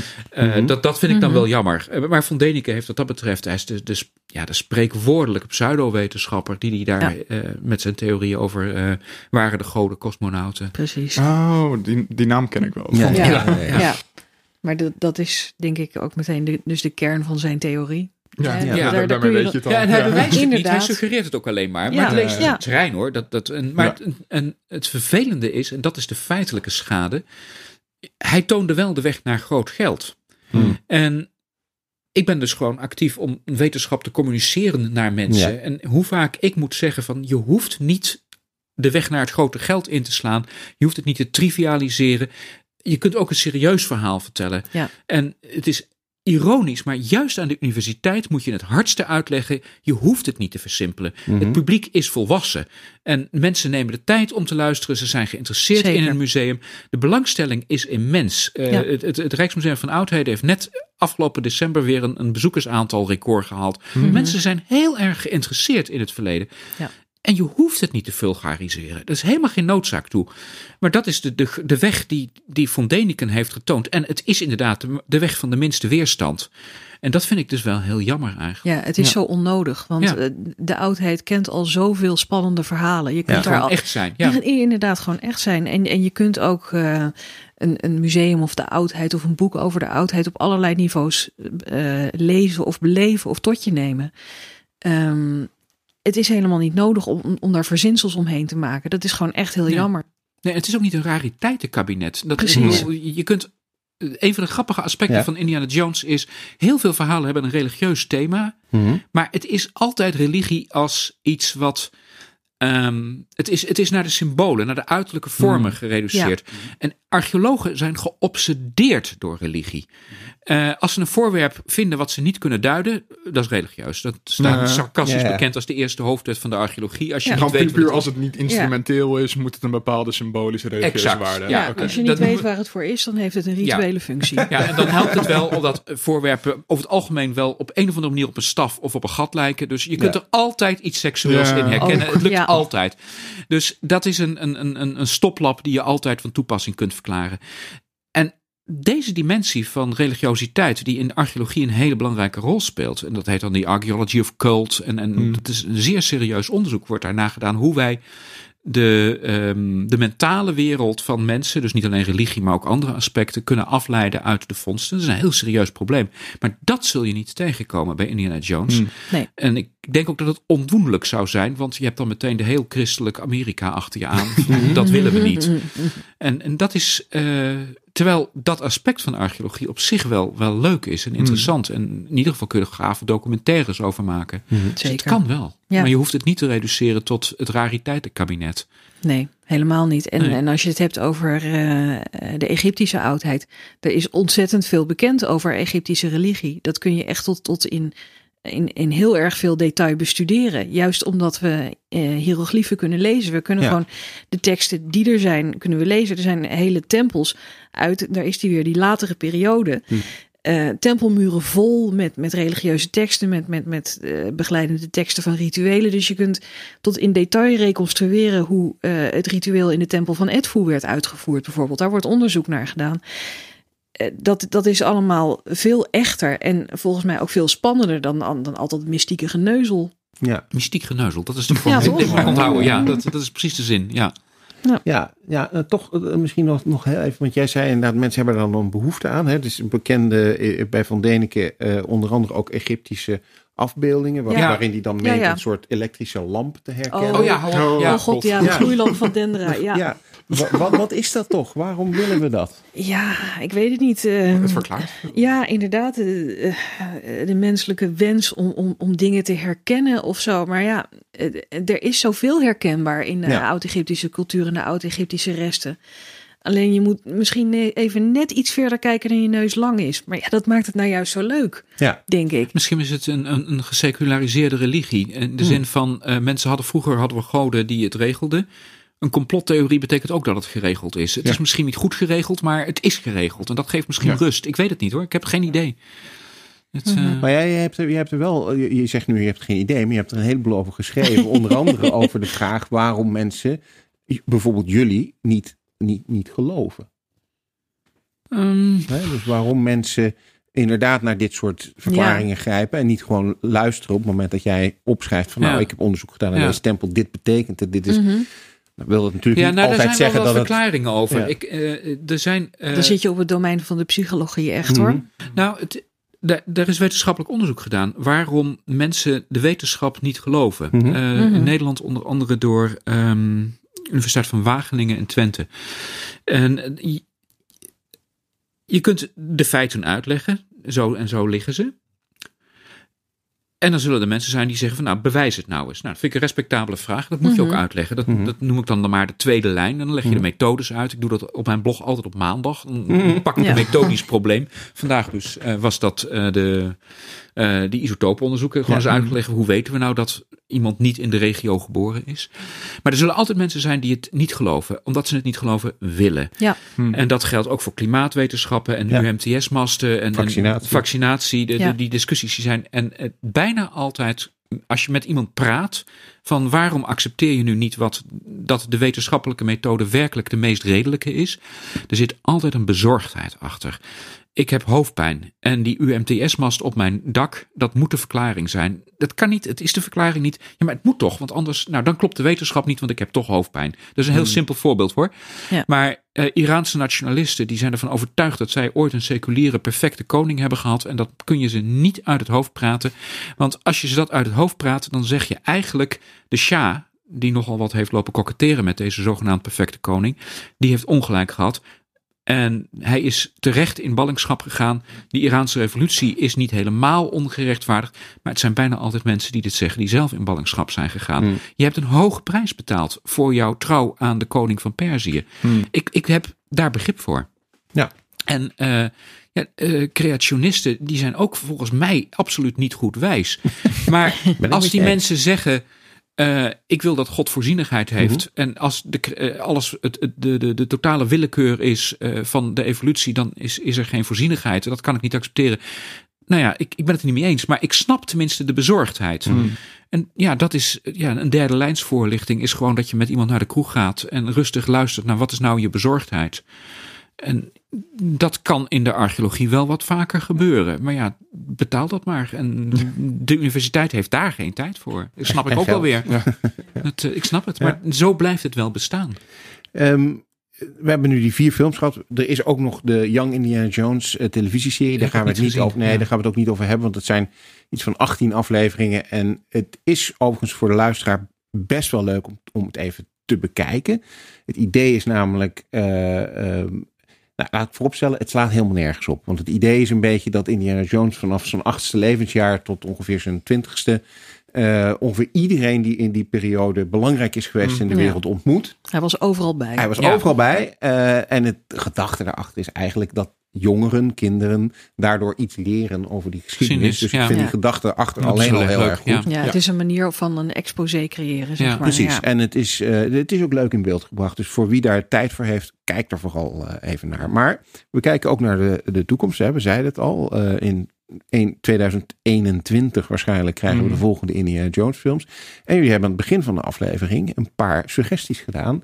Waar Indiana eh, naar op zoek mag. Of, of, of zijn Moet, zoon ja. of dochter. Ja. Of, eh, hè. Eh, laten we eens beginnen met het graf van Alexander. De, de sarcofaag van Al- Alexander. Als ik Ja, goed er, er is, er is al heel veel gezocht naar eh, Ja. het graf van Alexander. En er zijn ook diverse mensen die vinden dat ze het gevonden hebben. Eh, Ja, het graf van zijn vader is wel gevonden, meen ik. Hè, ja, van Filip. ja, zeker. Dat Dat is ook je, heel omstreden trouwens hoor. Ja. Dat, eh, Ja, maar je, je kunt het bezoeken. Nou, daar zit Mhm. je ook weer duidelijk op het gebied van nationale identiteit. Exact. Ja. Ja, heel duidelijk. Ehm, ja, want dat, dat, dat wordt daar dan gepresenteerd inderdaad als... eh, ja, hè, de- hier ligt onze stamvader met al zijn eh, schatten eromheen enzovoort. Maar goed, Alexander de Grote zelf, ja, ehm, de teksten zeggen heel duidelijk... eh, dat hij eh, in Alexandrië begraven moet zijn geweest. Nou, er zijn toch ook mensen geweest die menen te hebben moeten zoeken in de Siwa-oase... die echt een Mhm. heel stuk buiten Alexandrië ligt. Ehm, ja, eh, ik heb dat genoemd omdat ik denk, nou, als Indiana Jones dat nou eens een keertje kan vinden, dan eh, zijn we van dat probleem verlost. Ja. Plus, ik zou het helemaal leuk vinden als je het dan nog kan eh, verbinden met ehm, pak een beet uh, Caesar, Napoleon en Hitler. En dan ben je weer, dan ben je, dan ben, dan ben je weer rond. Ja, en dan ja, zit je ja, weer ja. bij de nazi's. Ja. Mhm. Ja, en er zit En, een geweldig scenario. Want er is ja. een serieuze theorie dat eh, het, het. Nou, serieus. De man. Ik heb hem ooit gesproken. Die zegt: Ik geef het 25% kans. Dat de mummie van Alexander. Ja. aangezien is voor de mummie van de, eh, de evangelist Marcus. Ja, Oh. En Oh, twee ja, gekomen in Venetië. ja. En dit is iets wat vrij simpel is vast te stellen. Als Ja. die mummie 4e eeuw voor Christus is, kost of datering, Ja. dan heb je hem. En Ja. het, het is, eh, de man is integer die dit beweert. Hij doet het ook niet voor het snelle geld. En hij zegt zelf, ik geef het 25% kans. Hij zegt niet, het is zo. Mhm. Ik vind het wel een leuke theorie. Het is, het Ja, is serieus inderdaad. te overwegen. Maar, maar hebben ze dat Ja. nooit gedateerd dan? Oh, dat is ook natuurlijk kerkelijk. eh, Ja, dan moet Die- je- die het is niet zomaar nee. Het nee? bisdom Oh. Venetië zal echt niet eh, zeggen van, nou ja, we gaan het niet dateren, want het zou Marcus wel eens niet kunnen zijn. Dat, dat interesseert Nee, nee, niet. maar niet daarom, maar om, puur omdat het heilig is. Eh, Nee, de lijkwaarde van Turijn, om die nog maar even te halen, hebben ze Ja, ook een oké, kost of ja. datering opgezet. Nee, dat doen ze niet moeilijk over. Maar het graf van Alexander en, en, nou, en, en zijn mummie natuurlijk. Hè, dat, Mhm. dat, dat, dat, zou, dat zou natuurlijk de ultieme eh, Ja. vondst eh, zijn. Ja. Maar eh, zelfs als die mummie er niet meer zou zijn, het, het graf van Alexander. ehm, het moet er natuurlijk gewoon zijn. Ik bedoel, het is ondenkbaar. Het is zou er- ik me voorstellen, het is ondenkbaar dat voor Alexander niet een graftombe of iets dergelijks Zeker. is gemaakt. Die was er ook. Die was Ja, er zeker. Wordt En beschreven. Ja, Ja. het wordt beschreven. Het is, het is bekend dat, dat daar eh, andere bekende figuren uit, uit de oudheid zijn geweest. En Ja. dat die nog het lichaam van Alexander daar hebben zien liggen. En eh, een stuk van zijn wapenrusting hebben meegenomen. En ik geloof per ongeluk zijn neus eh, Ja. kapot gestoten. ja. Ehm, dus nee, dat, dat graf dat is er zeker wel geweest. Maar de, de, de grote vraag is, ehm, eh, ja, kunnen we die plek nog terugvinden? Of is die plek gewoon definitief verloren? Want Alexandrië is, is eh, ook een miljoenenstad geworden. Ja. En er zijn een paar goede kandidaten in de stad zelf, maar het zou ook nog best wel weer ergens anders kunnen zijn. Hmm. Wat is er überhaupt gebeurd in het nachtleven? Ja, is inderdaad, is dat lichaam eh, ergens naartoe getransporteerd? Of eh, ja, is het gewoon in de vergetelheid geraakt? Wat is daar gebeurd? Ja, Alexandrië is in de vierde eeuw getroffen door een tsunami. Ja. Ja. Eh, daarom ligt het hele paleis ligt onder het water nu. Ja. En eh, dat zou het hele ook nog... paleiskwartier, ja. Ja. Zoals heel Noord-Afrika die die aardbeving heeft gehad, ja. Als je trouwens avontuur zoekt en met archeologische technieken die echt niet kunnen, Indiana Jones, maar dan in de 21ste eeuw, de haven van Alexandrië. Je moet maar eens kijken naar foto's. Je ziet altijd duikers naast beelden, Mhm. maar je ziet ze nooit met, met, met, met meetlinten, eh, met apparatuur. Het, het is gewoon het, het opduiken van Van dingen. beelden. Het is heel Ja. raar. Dat, Hmm. Ja, ben je, heb je wel eens gedoken? nee, Oh, nee. oh. Ja, wel eens gedoken, maar, Maar niet, maar als duiken. Ja, nee. ik wel trouwens. Ja? Ik heb Oh. in de baai van Alexandrië wel Dat gedoken. fantastisch. Leuk, ja, dat was echt eh, ja, super geweldig om te doen. En eh, ja, je, je ziet niet zo heel veel spectaculairs, maar het, gewoon het idee alleen al was gaaf Ja, natuurlijk. Ja. En je ziet wel, ja, weet je, je, hebt van die foto's waar je, in waar je inderdaad zo van die beelden ziet oprijzen uit de zee, die worden daar opgetakeld.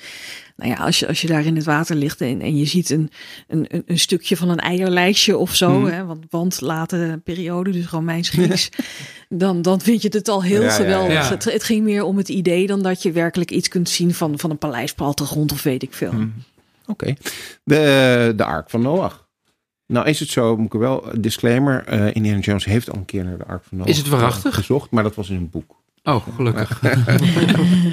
nou, het punt is, ik vind het een, een grappig thema. Omdat ehm, we hebben dus teksten waar in de Mesopotamische traditie de Ark van Noach zou liggen. Dat is Mhm. een berg in het grensgebied van Turkije en Irak. Ararat, toch? Nee. Nee, nee, nee, nee sorry. En wacht. het is in de middeleeuwen ehm, dat Marco Polo in Oost-Turkije komt. En die zegt, eh, de berg ligt, en dat is wat we nu de Ararat noemen, maar het is een andere berg. Oh.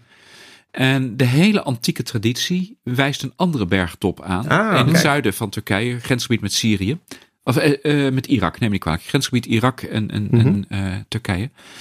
En ehm, eh, daar is tot op de dag van vandaag vereren mensen daar het graf van Noach zogenaamd. Mhm. En die andere berg, die, die we nu de Ararat noemen, eh, die is voor Armeniërs heel erg belangrijk. Maar die wordt eigenlijk pas in de middeleeuwen voor de eerste keer aangewezen van daar is de ark. Terwijl Mhm. de Joodse, de christelijke, de, de Mesopotamische traditie een andere berg aanwijst. Ik vind het een heel leuk gegeven dat iedereen die dus een expeditie de verkeerde berg op gaat, Ja, ja. altijd daar de ark weer terugvindt. Ja, ja, Eh, en, maar er ja, want er zijn verschillende mensen die, be- Ja, ze die beweren dat ze ja. hem gevonden Ja, hebben. precies. Dat is, En, eh, en, het is elk jaar weer in het nieuws. En, Ja. en dan komt er weer iets terug. En ja, het is. En het is filmisch, is Oost-Turkije is, is beeldschoon. Het is, Ja. het is een prachtig gebied. En aan de andere kant ligt Armenië. eh, dus eh, je kunt daar wel een verhaal over vertellen. En met een folkloristische setting zit het denk ik ook wel goed. Ja, ik denk het ook, ja. Ja. ja. je kunt ook een paar vulkanen laten uitbarsten daar. Dat, dat- eh, en jouw teksten. Ja, nee, het, ik, ik het zat meer gewoon te denken van überhaupt gewoon al die verloren filosofische teksten. Ik tij- tijdens mijn bachelor aan het Mhm. begin, dat is eigenlijk het eerste waar je gewoon de geschiedenis van filosofie gaat bestuderen. Begin je met de presocratici in Mhm. Griekenland. Ehm, en je bent fragmenten aan het lezen. Je bent geen hele tekst aan Ja. het lezen. Het is Mhm. een zinnetje hier, een alineaatje daar, eh, van Parmenides, een heel eerste boek. Dat er gewoon vrij aardig bewaard is gebleven. Uh, maar het is altijd tijdens het college van... We weten niet zeker of deze interpretatie goed is, want we hebben zo weinig. Ja, en ja. we weten uit latere eh, eh, verslagen dat hij misschien zoiets zou kunnen gedacht kunnen hebben. Maar we Hebben weten nou die niet bibliotheek van Alexandrië. Ja, dus ik zat ook Ja. te denken te- toen we het Ja. over Alexandrië hadden net. Van, ik had gewoon moeten zeggen de bibliotheek van Alexandrië. Ja. Ja. Ja. Ja, maar als je die terugvindt, dan is die waarschijnlijk Is leeg. van, Dan, dan zijn er Nee. geen papierrollen meer in. Maar Nee. ik ben het wel met je eens inderdaad dat, dat teksten, dat daar ook nog een wereld valt te winnen. Want ehm, behalve teksten... In. Hè? Ja, Dode Zeerollen, ja. Ja. Maar dat is denk ik wel het, Nou. het absolute spektakelstuk. Dat Ja, gaan we niet herhalen. Dat, dat gebeurt nooit meer. Nee, maar behalve teksten in talen die we, die we al kennen, zijn er ook nog eh, veel teksten die nog niet gelezen kunnen Mhm, worden. En Oh. de ontcijfering daarvan, dat Ja. zou ook nog heel veel nieuwe informatie kunnen opleveren. Hè, ehm, eh, jij had het over. Ja, jij had het over lineair A. Ik noemde ook nog Meroïtisch inderdaad. Eh, het Etruskisch is ook nog, Ja. ehm, er wordt ook nog maar een heel klein beetje van begrepen. Dus dat, da- daar vallen nog werelden te winnen. Want zodra je die teksten, de oorspronkelijke teksten van de mensen die toen leefden, eh, zodra je dat kunt lezen, weet je zoveel meer over hun denkwereld, Ja. over, over hun hele eh, cultuur, over, ja, dan, dan, ja, wat ik zeg, er gaan werelden voor je open dan.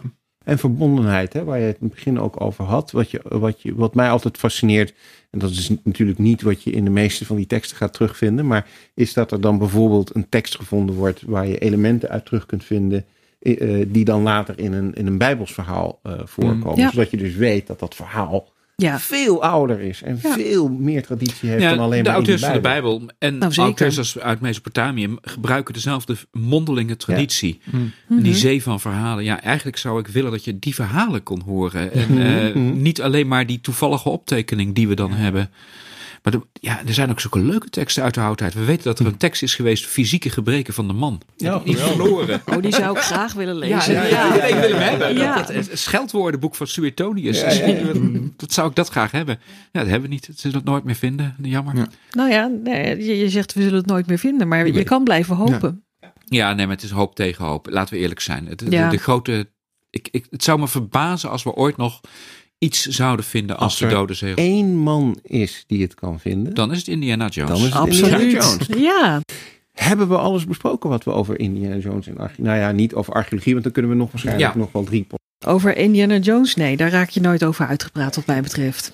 Nee, nog dingen waarvan jullie zeggen van... Nou, eh, één aspect ja? vond ik Ja? toch wel leuk. Ehm, wat ik goed gevonden vind. ehm, ja, het is een, een flauwe grap. Eh, bij elke opgraving is het minst besproken onderwerp het, het geven van oplawaaien aan naties. Maar eh, heel veel archeologen in de jaren 30 en de jaren 20 waren inderdaad vaak eh, halve spionnen. Eh, Mhm. Het beroemdste voorbeeld is Lawrence Ja. of Arabia in Ja. de Eerste Wereldoorlog. Zit in de eerste een- aflevering van Ja, van, precies, Indiana Jones. vriend van Indiana Jones. Ja, Ja, uiteraard. uiteraard. Kon niet missen. Ja. Ja, nee, maar het is, eh, eh, het is waar. En, en heel veel arche de, de, de, de- een bekende archeoloog is omgekomen bij de strijd op Kreta. En Mhm. er zijn Ja. mensen die achter de linies gedropt zijn. Ze kennen het land, ze spraken de taal. Ja. ja. En vooral, ze wisten om te gaan met wat je niet weet. Eh, en dat is voor een, een, een oudheidkundige een, een hele belangrijke vaardigheid. En dat is voor een inlichtingendienst ook heel belangrijk. Ja.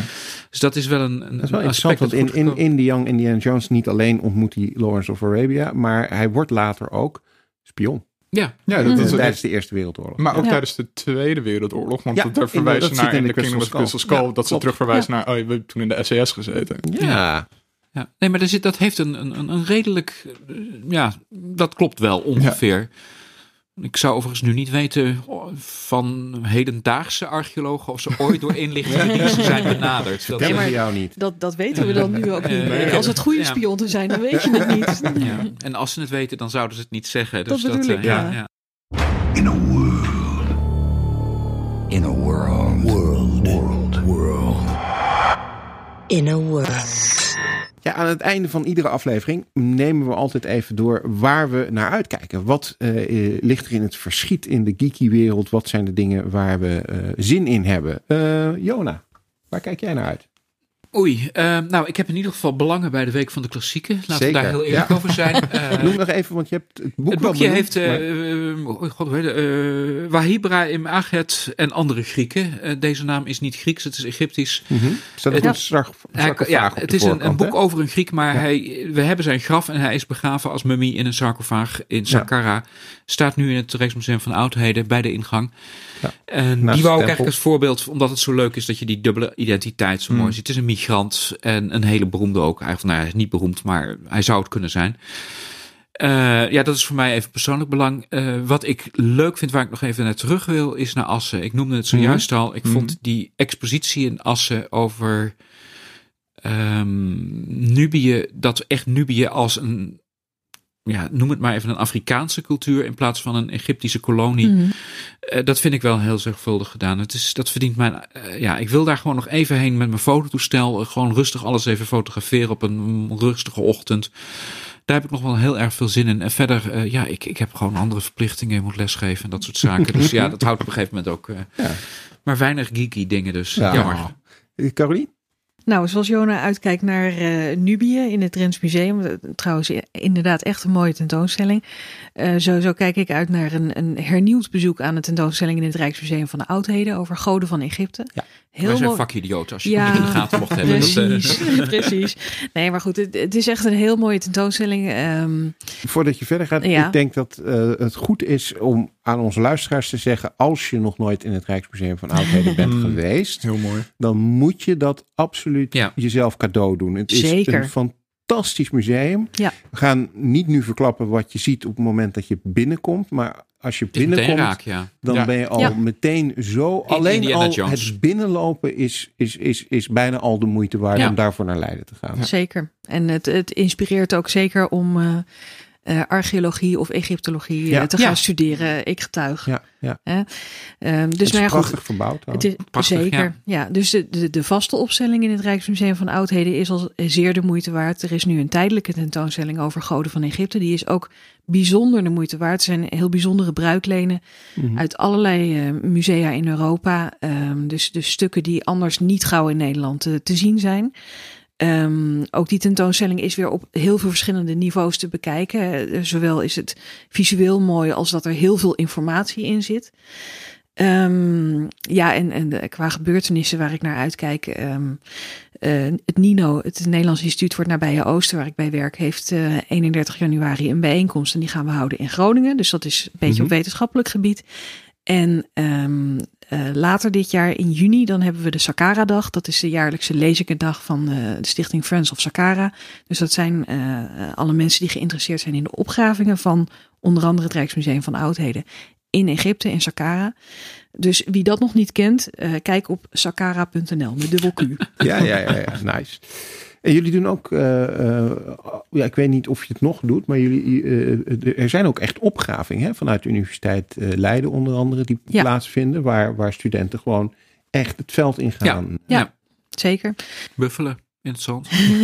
ja, nee, dat klopt. Um, de, de opgravingen in Egypte. Nou, er zijn meerdere opgravingsprojecten, maar het bekendste, denk ik wel, is inderdaad in Saqqara. Dat is een opgraving uh, die van oudsher door het Rijksmuseum van Oudheden en de Universiteit Leiden samen werd gedaan.